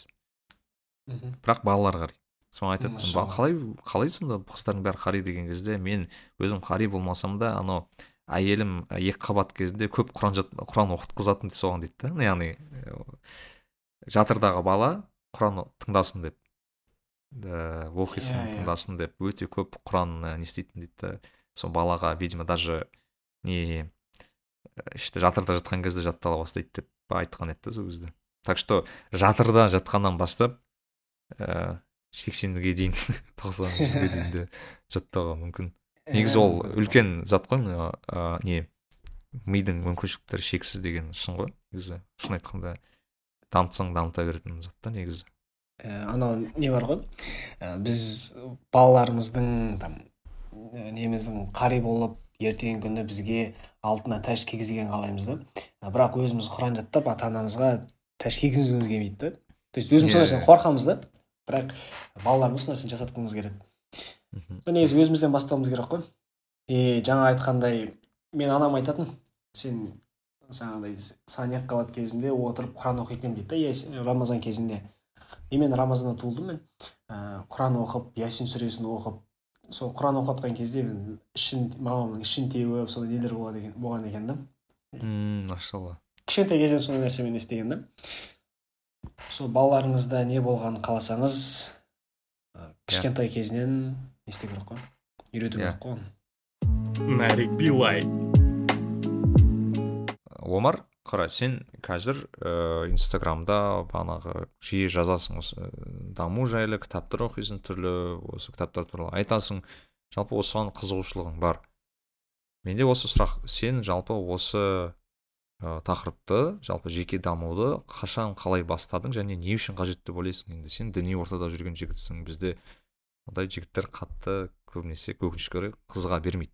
Ә, жалпы негізі мен құран жаттап біткеннен кейін менде бір не болды да? Ә, мен үшін бір потолок сияқты болды да қариялық болды мен осы қариялығым маған жетеді деген сияқты қылып. И определенно белгілі бір ана білім бар еді. Діни білім болсын ә, дүниелік білім деген сияқты. Білетінім өте аз еді. И енді алла кешірсін ол кездері енді қари болып не болғаннан кейін нәпсі кішкене оянып тәкаппарлық басталды да менде менмендік деген сияқты. И басқа білім алу мен үшін былайша айтқанда керек емес сияқты болып қалды да. Мен бұның қатты несін білмейтінмін қадірін білмейтін едім осылай мен бір жарты жылдай осылай жүрдім осы немен ә, день сурка болды менде жаңағы азында тұрасың там тамақ не намаздарын оқып құрандарын оқып қайтадан жатасың. Бір өмірдің мәні мен үшін бір жоқ сияқты болды да. Ә, типа мен өмірге келдім болды осылай өзім кетуім керек деген сияқты қылып басқаларда жұмысым жоқ деген сияқты бір ой болады менде. Сонымен біраз уақыт жүріп жүріп не бірақ іште бір опустошение дейді ғой бір нәрсе жетіспей тұрады ғой. Сондай нәрсе болды да менде. Бір нәрсе вроде қалайсың. мағына жоқ секілді ма? Иә иә иә. И бір өмірге келген бір миссияң жоқ сияқты болып көрінді да маған осылай бір жарты жылдай өтті и өте көп жаңағыдай қыдыратынмын сыртта көп жүретінмін одан кейін жаңағыдай футбол көп көретінмін футбол көп ойнайтынмын плейстейшн деген сияқты. Уақытты босқа өлтіру көп еді да менде сериал там кинолар көру деген сияқты. Сондай моменттер менде өте көп еді. Сонымен 2018-дің жазында примерно сол кезде бір таныс бір ағам бар. Сонымен жолығып қалып сонымен сөйлесіп. И сол ә, сөйлесіп мен уже бір екі проблемаларымды айтып и бір қызығы сол кездері өзімді жалғыз сезініп ешкімге керек емес сияқты андай бір не болады ғой? Ә, неге түсіп кетеді ғой адам? Балшыққа түсіп кетеді ғой. Сондай сондай сияқты болды да менде ше ешкімге керек емес. Ә, депрессияға түсіп өзіммен өзім там сондай бір жаман бір не болды да менде ше. Өмір болды алла кешірсін сол кезде мен бір проблемаларымды айтып маған бір көмектескен бір ағам бар төле би дейтін ағам. алла разы болсын ол кісіге. сол кісі көмектесіп түсіндіріп осындай осындай негізі енді сен құран жаттаған адамсың ғой неғып басқаларға үйретпейсің деген сияқты қылып. но енді ол кезде үйретіп жүрдім но былай қатты не емес еді да. и сол әңгімеден кейін мен кішкене түсіне бастадым да и сол кезде мен басым бүйтіп тиді да и осознанность сол кезде келді да маған. Барлығын саналы түрде осознанный түр- түрде түсіне бастадым. И уже білім алу керектігін мен білмейтінім то есть білетінімнен білмейтінім көп екенін білдім да. То есть білуім үйренуім керек деген сияқты білім алуым керек деп. Ана қытайда қытайда болса да бар білім алыңдар деп айтады ғой хадисте. Сол сияқты білім алу керектігін түсіндім. И білімді тек бір жақты ғана емес то есть тек қана ислам тек қана діни білім емес жан жақты там дүниелік біл- дүние- білім болсын ол айталық там адамның денесіне физиологиясына қатысты болсын я болмаса эмоция- эмоциясына қатысты болсын я болмаса ә, там мысалға бизнеске қатысты болсын. Барлық білімді алу керектігін мен болашақта бұларды мен қолданамын деген сияқты бір нелер болды да. И мен қызыға бастадым. Мен кітаптар оқи бастадым там дейл карнегиден бастадым. Ә, там шонбайдың кітаптарын оқыдым ананы оқыдым мынаны оқыдым. Ә, түрікше кітаптардан бір екі нелерін ақтардым. И осылай осылай келіп кейін курстарды оқыдым кейін тренингтерге барып бастап осылай басталды. Э, и бұрында мен спортқа да көңіл бөлмейтін уақытым құр босқа кететін. И менде бір қазір бір өкініш болады да мен сол кезде бастағанда мен мүмкін бұдан да жақсы неге жетер ме едім деген сияқты ше. Э, одан да көп нәтиже ала- бірақ сен ерте бастадың ғой қанша жаста болдың? он сегізде болдың ғой сен?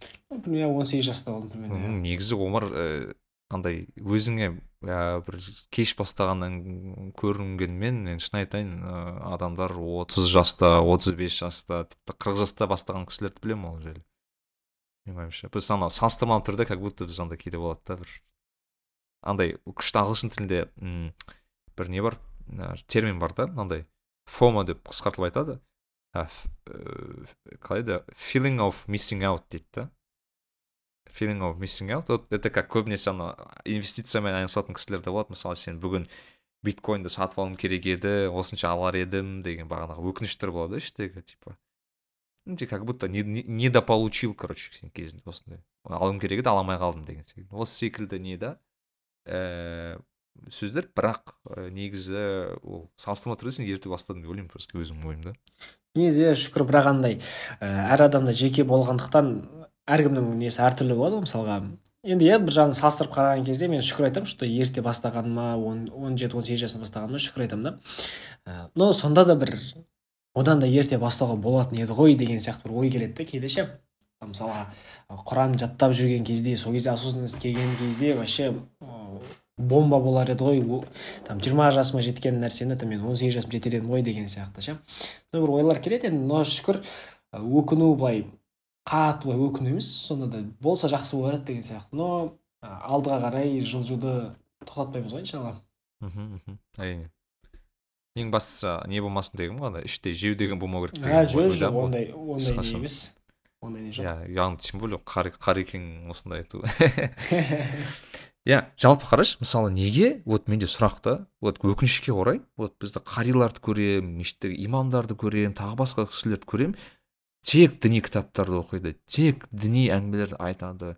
Спортпен көбіне айналыспайды көбінесе да- жеке дамумен қызықпайды деген секілді болады да. И мен көбінесе айтамын блин неге істейсіңдер олай? деп как бы давайте дамыңдар заманмен сай жүріңдер анау болады кейде анау ұстаздар айтып жатады да инстаграм деген жаман зат деп.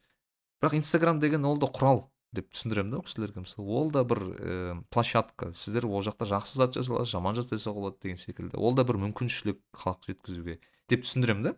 Яғни ол да бір бағанағы жеке даму бағанағы білмеймін кейде осы жетіспейтін секілді да. Сіз о- сен байқайсың ба осыны өзің негізі мен өте көп байқаймын. Тем более ана діни адамдардың арасында ә, фанатизм дейтін нәрсе то есть бір жақтылық дейтін нәрсе көп не істеген да. Өкінішке орай бір нәрсе айтса әңгімесінің бәрі құран хадис там неге алып келеді енді әрине ол дұрыс нәрсе но ә, бір жақты ғана қарау ол менің ойымша дұрыс емес нәрсе да потому что жан жақты алып келу керек та ол нәрселерді ше. То есть оны ғылым жағында қарау керек оның мысалға мен кезінде енді нәпсі енді діни адамдардың аузында айтылатын нәпсі ғой мысалға нәпсі үйтеді бүйтеді деген сияқты қылып мен осыны қызығып не қарап көрдім? Мынау прокрастинация бар ғой жалқаулық жайлы. Осыны ә, іздеп көрдім да зерттеп қарадым. Сөйтіп мен нелерді білдім да мысалға ә, префронтальная кора ә, лимбическая системаны мидың жұмыс жұмыс жасау несі бар ғой? И ғылыми жағын қараған кезде кәдімгідей анау қызық та. Иә и адам адамдарға түсіндірген кезде айтасың да там мысалға лимбическая система ол адамның эмоциясына жауап береді ол былай жасайды. Біз преф- префронтальная корамыз кішкене логикаға жақын мынандай мынандай деп түсіндірген кезде уже ә, ол сырттан қараған адам уже қызыға бастайды да. Ал егер ол діни адам болатын болса ол ә, діннен хабары бар адам болатын болса адамдардың уже исламға дейтін көзқарасы да өзгере бастайды. Е діни адамдар мынандай екен ғой олар ә, там мына нәрсені де біледі екен ғой деген сияқты қылып жан жақты не істейді да адамдардың уже намазға дейтін. Өкінішке орай көп адамдардың намазға исламға дейтін көзқарасы кішкене нашарлауда. Ой діни намазхандар андай намазхандар мынандай деген сияқты. Өйткені біз ә, белгілі бір қателіктерімізден жаңағы фанатизм кесірінен біз құртып алғанбыз да ол нәрселерді ше. Типа мұсылмандарды ә, андай қылып көрсеткенбіз да. То есть андай ғой мысалы бір адам бір адамды көріп бүкіл намазхандарды сондай деп ойлайды да. Сол біздің қателігіміз да жан жақты дамымауымыз ол біздің қателігіміз да негізі. Ал біз исламды дұрыс жеткізуіміз керек. Көркем түрде жеткізіп оны амал жүзінде көрсетуіміз керек. Спортпен айналысуымыз керек. Енді алла тағала бізге дене берді. Алла тағала бізге ми берді. Там сана сезім ақыл берді. Енді осыны біз дұрыс қолдану арқылы дұрыс қолдану арқылы біз белгілі бір ақысын беруіміз керек негізі. Осы тұрғыда мына тақырып маған өзіме қатты ұнайды да. Мына шүкіршілік тақырыбы бар ғой шүкіршілік дейтін нәрсе.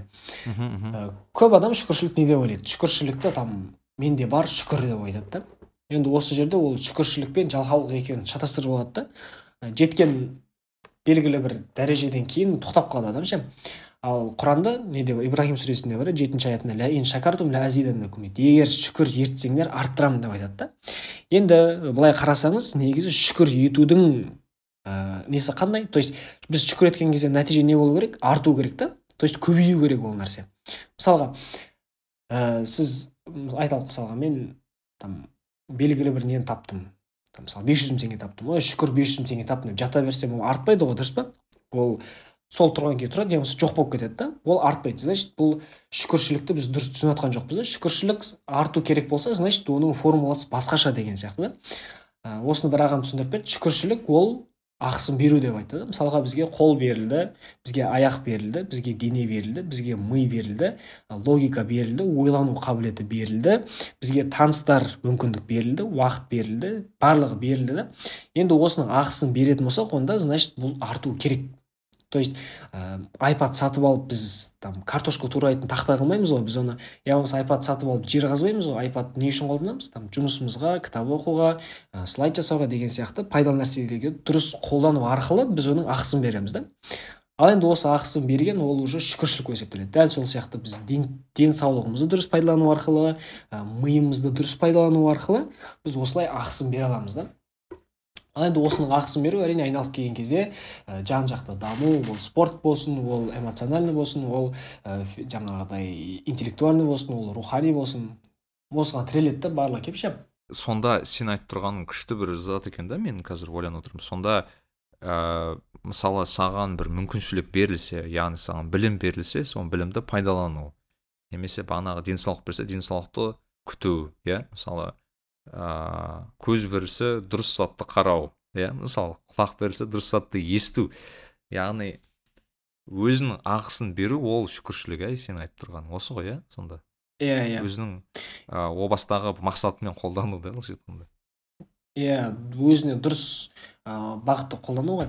Енді оны алла тарапынан келгеніне сезінуіміз керек та. То есть алла беріп жатқан ал егер оны сезінбейтін болсақ енді жаңағы алла сақтасын не кетіп қалуы мүмкін да мен дейтін нәрсе кетіп қалуы мүмкін да уже тәкаппарлық қосылып кетеді да уже алла тарапынан келгенін біліп соны дұрыс қолдана алуымыз керек. Аманат екенін білуіміз керек та. Аманат екенін біліп дұрыс қарауымыз керек. Нарик билай ә, сонымен сен қандай практикада өзіңе бағана прокрастинация дедің ә, мүмкін приоритеттерге байланысты дұрыс мақсат қою деген секілді заттар ғой негізі жеке даму деген. Осы заттарды жалпы үйрету керек деп ойлайсың ба? Мысалы медреседе мысалы университеттерде мысалы сен нұрмаракта оқып жүрсің менің ойымша сондай заттарды үйрету керек секілді бөлек сабақ ретінде. Негізі иә ә, мен өзім ойымда бар мына иншалла медресе ашсам соның ішіне осындай бір дамуға байланысты неге байланысты бір аптасына бір рет екі рет болсын сондай бір сабақ болса деген ше. Адамдар шектеліп қалмасын деген сияқты. Потому что көп адам қариялардың несі там діни адамдардың несі көп шектеліп қалады да. Діни адамға анау болмайды мынау болмайды мынау болмайды ана жерге баруға болмайды мынаны жеуге болмайды мынаны не істеуге болмайды. Иә әрине белгілі бір нәрселер бар но ә, кейбір нәрселерден де выход табуға болады да. То есть ә, көп адам там мысалға жиындарға баруға болмайды намазхан болмаса там онымен араласу не емес деген сияқты. Сонда мен ә, исламды дұрыс жеткізе алмайды да. Осыларды дұрыс қолдана алсақ ә, то есть дұрыс жеткізе алсақ не істей алсақ біз исламды дұрыс көрсетеміз жаңа айттық қой сол сияқты. Мен медреселерге сол нәрсені енгізгім келеді да. Типа олар да әрі рухани әрі құран жаттап әрі қари болып и жан жақты дамып ертеңгі күні дүниеге жаңа неге шыққан кезде сыртқа шыққан кезде чтобы басқалар оған қызыға алатындай бір адам болсын деген сияқты ше. Әрине. Иә міндетті түрде. Менің ойымша осы ә, адамның сыртта сен қалай қабылдау өте әсер етеді негізі діннің де қабылдануына негізінде. Иә. мысалы саған опрятный өте бір қалай дейді ә, денесінде прессінде кубигі бар деп айтайыншы бір денесі бір подкачанный бір жігіт өте әдемі киінген әдемі ә, бағанағы ә, шашы да әдемі өзі де бір опрятный не істеп жалпы көрген кезде бір жол, бір әдемілікті көрсең сен де сразу бүйтіп орысша айтсам ә, орысша емес енді былай былайша айтқанда сынып қаласың ғой.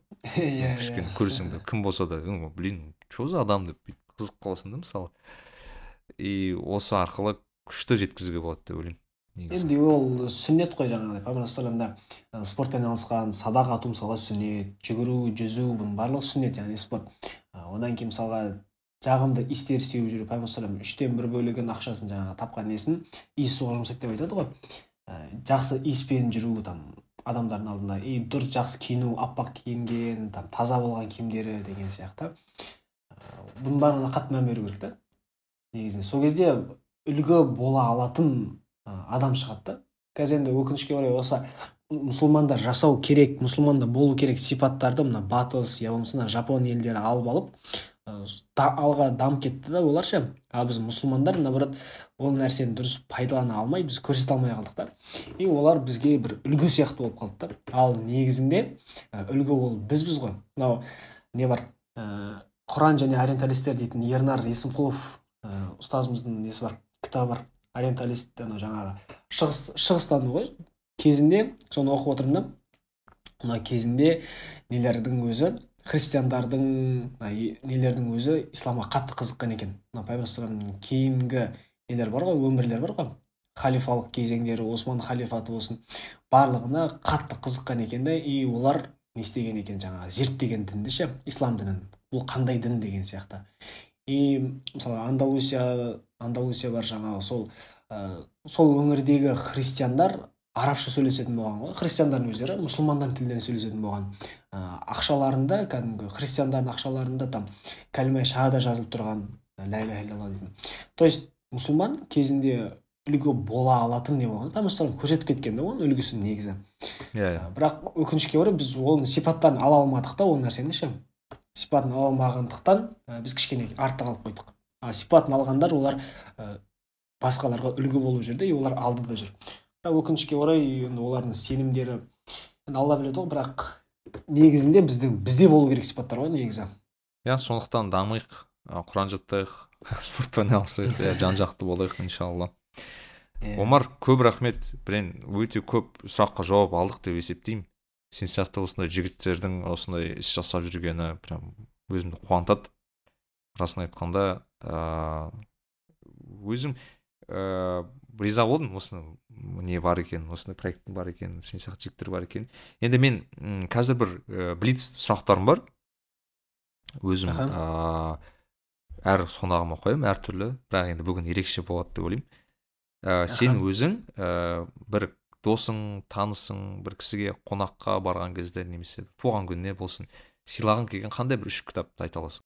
Ә, сыйлағым келген дейсіз ба так қызық сұрақ екен әрине ең біріншісі ол смотря ол діни ма әлде қалай? Ну айтайық діни деп айтайын сен енді досың діни жігіт болатын шығар енді. Иә мен кеңес берер едім. Ең бірінші ә, құран құран жайлы құран ілімдеріне кіріспе дейтін кітап бар жалпы аха. енді өзім құранға қатты жақын болғандықтан мен сол нені оқимын. Ә, сол кітапты оқып не істедім. Осыны ең бірінші кеңес берер едім осы құран ілімдеріне кіріспе хадис ілімі дейтін нелер бар. Ә, екіншісі не бар? Қимату заман дейтін кітап бар. Ценность времени дейді. Орысша кітабы бар тоже неден ә, иә иә оқығанмын ол ыыы, орысша авторы есіме түспей тұр бірақ кім еді? Абу абдулғафар абу ғудда ма сондай? Абу ғудда иә иә точно. Иә абу ғудда. Осы ценность времени жаңағы ғалымдардың өмірбаяны жайлы қалай қолданғандығы жайлы осыны кеңес беремін. Одан кейін үшіншісі ә, нені кеңес берер едім стивен ковин кітабы бар ғой. Семь науков высоко- высокоэффективных людей бар ғой. Иә иә иә. Қазақша аударылған кстати сол кітап қазақшасы бар. С- ал қазақшасын оқып мен не істеген едім аты қандай еді? Кемел адамның жеті сипаты ма сондай есімде болса? Же- жеті дағдысы ма сондай иә жеті еді, дағдысы ма сондай иә. Осы иә үш кітап иә. Болады болады әдемі. Ә, екінші сұрақ ә, сенің мүмкін осы бір жылда ә, білмеймін бір жарым жылда дейік ә, өзіңе алған жақсы бір инвестиция. Инвестиция деген жалпы өзіңе ә, пайдасы тиген қымбат емес бірақ өте бір жақсы ақтаған деп айтайықшы өзінің бағасын және қолдан қолданысы қолданысы жағынан. Қандай бір затты айта аласың бір, жы- бір, бір жарым жылда дейсіз ба? Ну соңғы уақыттың ішінде есімде болған. Соңғы уақытта енді маған қатты көмектескен спарта дейтін не бар? Тренинг бар. Үш күндік тренинг. Ә, енді ол орыстардікі негізі россиядан келген нәрсе ғой.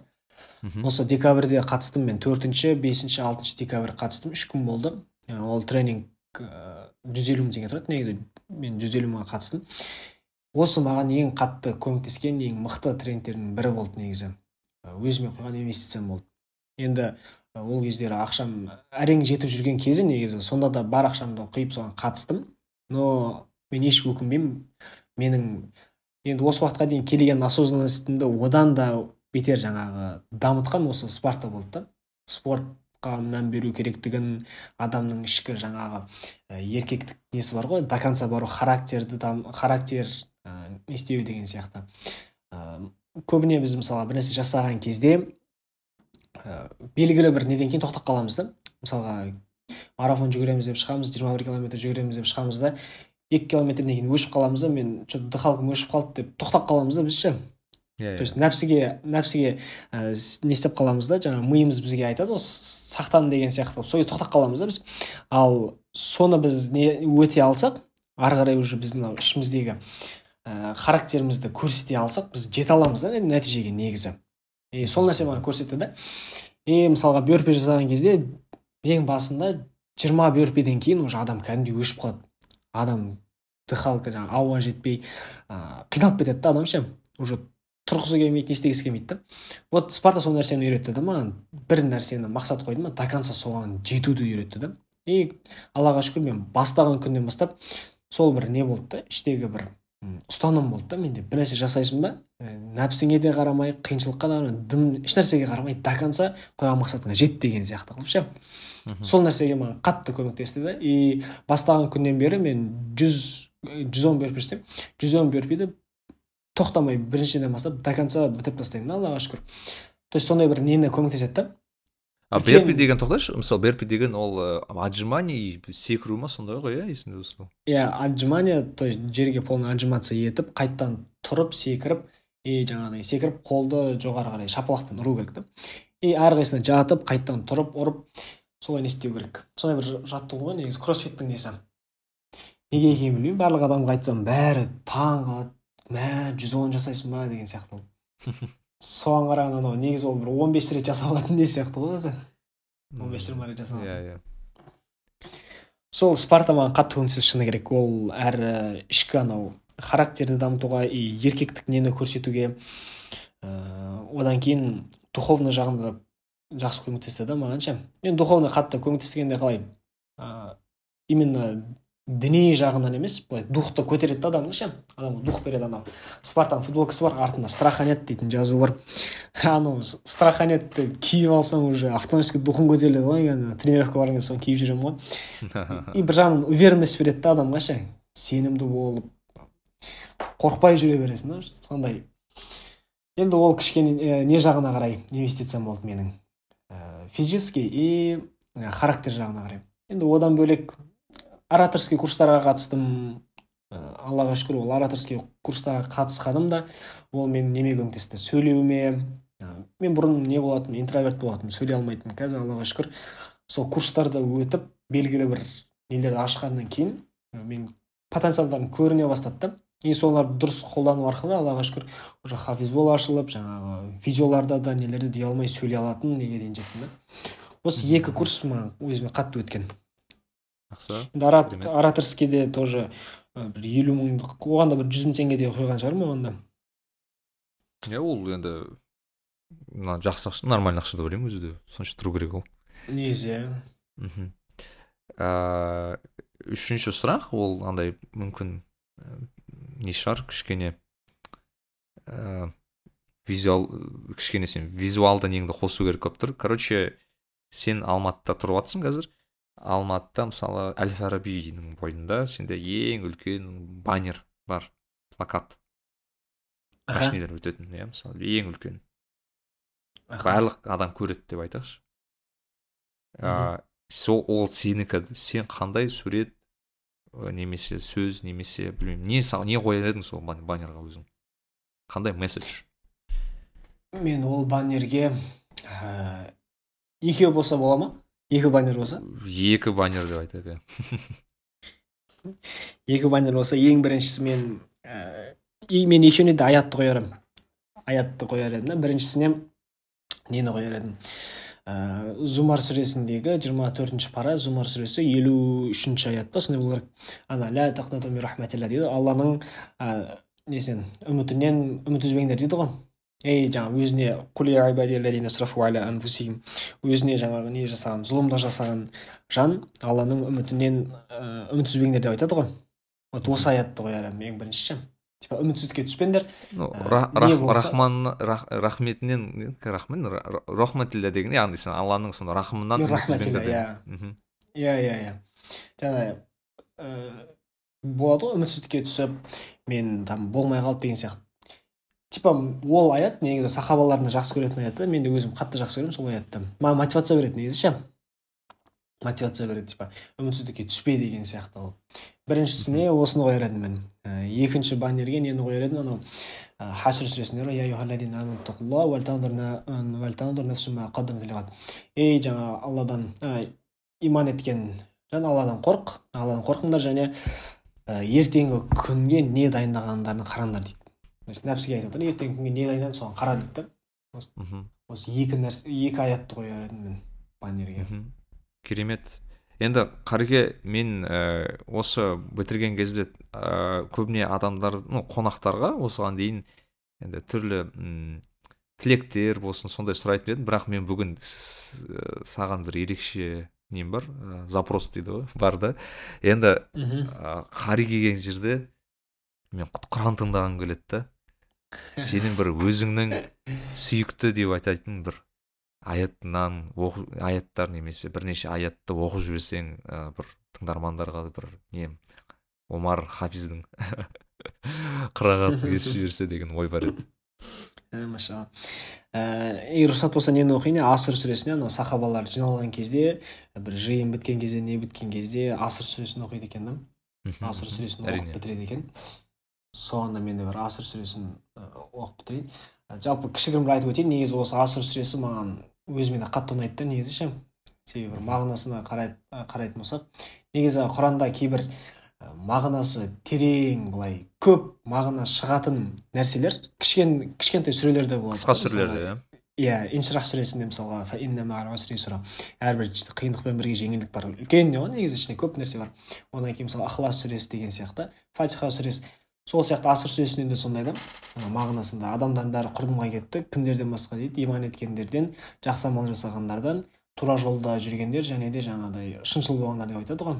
То есть осы төрт төрт сипат осы төрт качество мен ә, мен ойлаймын да мұсылман адам ұстану керек төрт качество. И бұл барлық бағытта да кете береді да. Ол діни болсын ол өмірлік болсын ол бизнесте де болсын. Жаңағы шыншыл болу ең біріншісі аману одан кейін жақсы амалдар жасау қайырымдылық жасау басқаларға көмектесу жаңағы шыншыл болу және сабр ә, және де жаңағы не ә, сабырлы болу шыдай алу деген сияқты. Осы төрт сипат өзіме қатты ұнайды и аср сүресі де өзіме қатты ұнайды егер рұқсат болса соны оқиын иншалла амин давайте أعوذ بالله من الشيطان الرجيم بسم الله الرحمن الرحيم والعصر إن الإنسان لفي خسر إلا الذين آمنوا وعملوا الصالحات وتواصوا بالحق وتواصوا بالصبر صدق الله العظيم. سبحان ربك رب العزة عما يصفون وسلام على المرسلين والحمد لله رب العالمين. ده الله العظيم دي ده иә керемет. Иә асыр сүресі өзі бір ерекше ә, сүре ғой өзі де. Иә менің ойымша бір керемет отырыс болды деп ойлаймын. Омар ә, бауырыма көп рахмет. Омарке көп рахмет. Алла разы болсын. Осы бір керемет уақытыңды бөліп ә, бізге бір керемет осындай ә, біз қазір модный сөз бар инсайт деген сөзден шаршап кеттік. Бірақ шынымен іштегісімен бөлісіп ііі расы керек жиырма жаста осындай жетістікке жетіп жатқан бауырларым барына ра- разымын.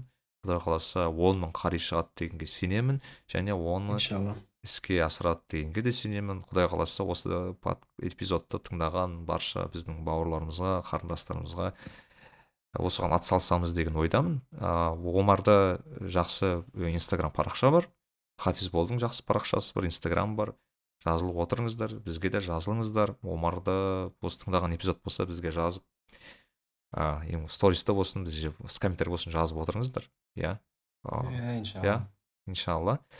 Иә баршаңызға ыыы қайырлы не дейді? Күн деп айтам ба түн деп айтам ба? Күндеріңіз сәтті өтсін. Ыыы қашанда осылай асыр сүресіндегідей уақыттың дәрежесі ну, уақыттың Қадірін қадірін білейік иә. Ә, сабырлы болайық ыыы не деді анағы аятта айтылғандай. Ііі, сенімді болып жақсы амалдар сен- жасап амал жасайық иә бастысы амал Иә. жасайық. Біз көп айтуымыз мүмкін подкастта бірақ бәрі амалға тіреледі сондықтан амал жасайық. И иә алланың үмітін үзбейік. Біз құранмен бітірейік иншалла. иншалла. Керемет. Отырыс болды. Алла разы болсын. Сіздерге де бізге де. разы болсын иншалла. Осылай халыққа бір пайдалы бір контент жасап ә, басқаларға пайдалысы тиіп жүр- тиіп тиіп жүргеніне мен қатты қуанамын. Негізі өзім де тыңдап не істеп жүремін ғой. Көбейе берсін осындай подкасттар осындай халыққа пайдалы болған нәрселер көбейе берсін иншалла. Оқырмандар да иншалла құран оқи алмай жүрсеңіз құран оқып бастаңыз құран үйрене алмай жүрсеңіз үйреніп бастаңыздар иншалла. Құран жаттау оқу өте маңызды нәрсе. Біздің мәңгілік емеспіз ғой. Ертеңгі өмірімізге қатты әсер етеді негізі. Сол себепті ә, егер құран жаттап жүрген кісілер болса алла тағала зейіндерін ашсын ә, қайырлы білім нәсіп етсін барлығымызға иншалла. Алла баршамыздан разы болсын иншалла. Келесі кездескенше сау болыңыздар. Нарик билай кәсіби және рухани даму жайлы подкаст.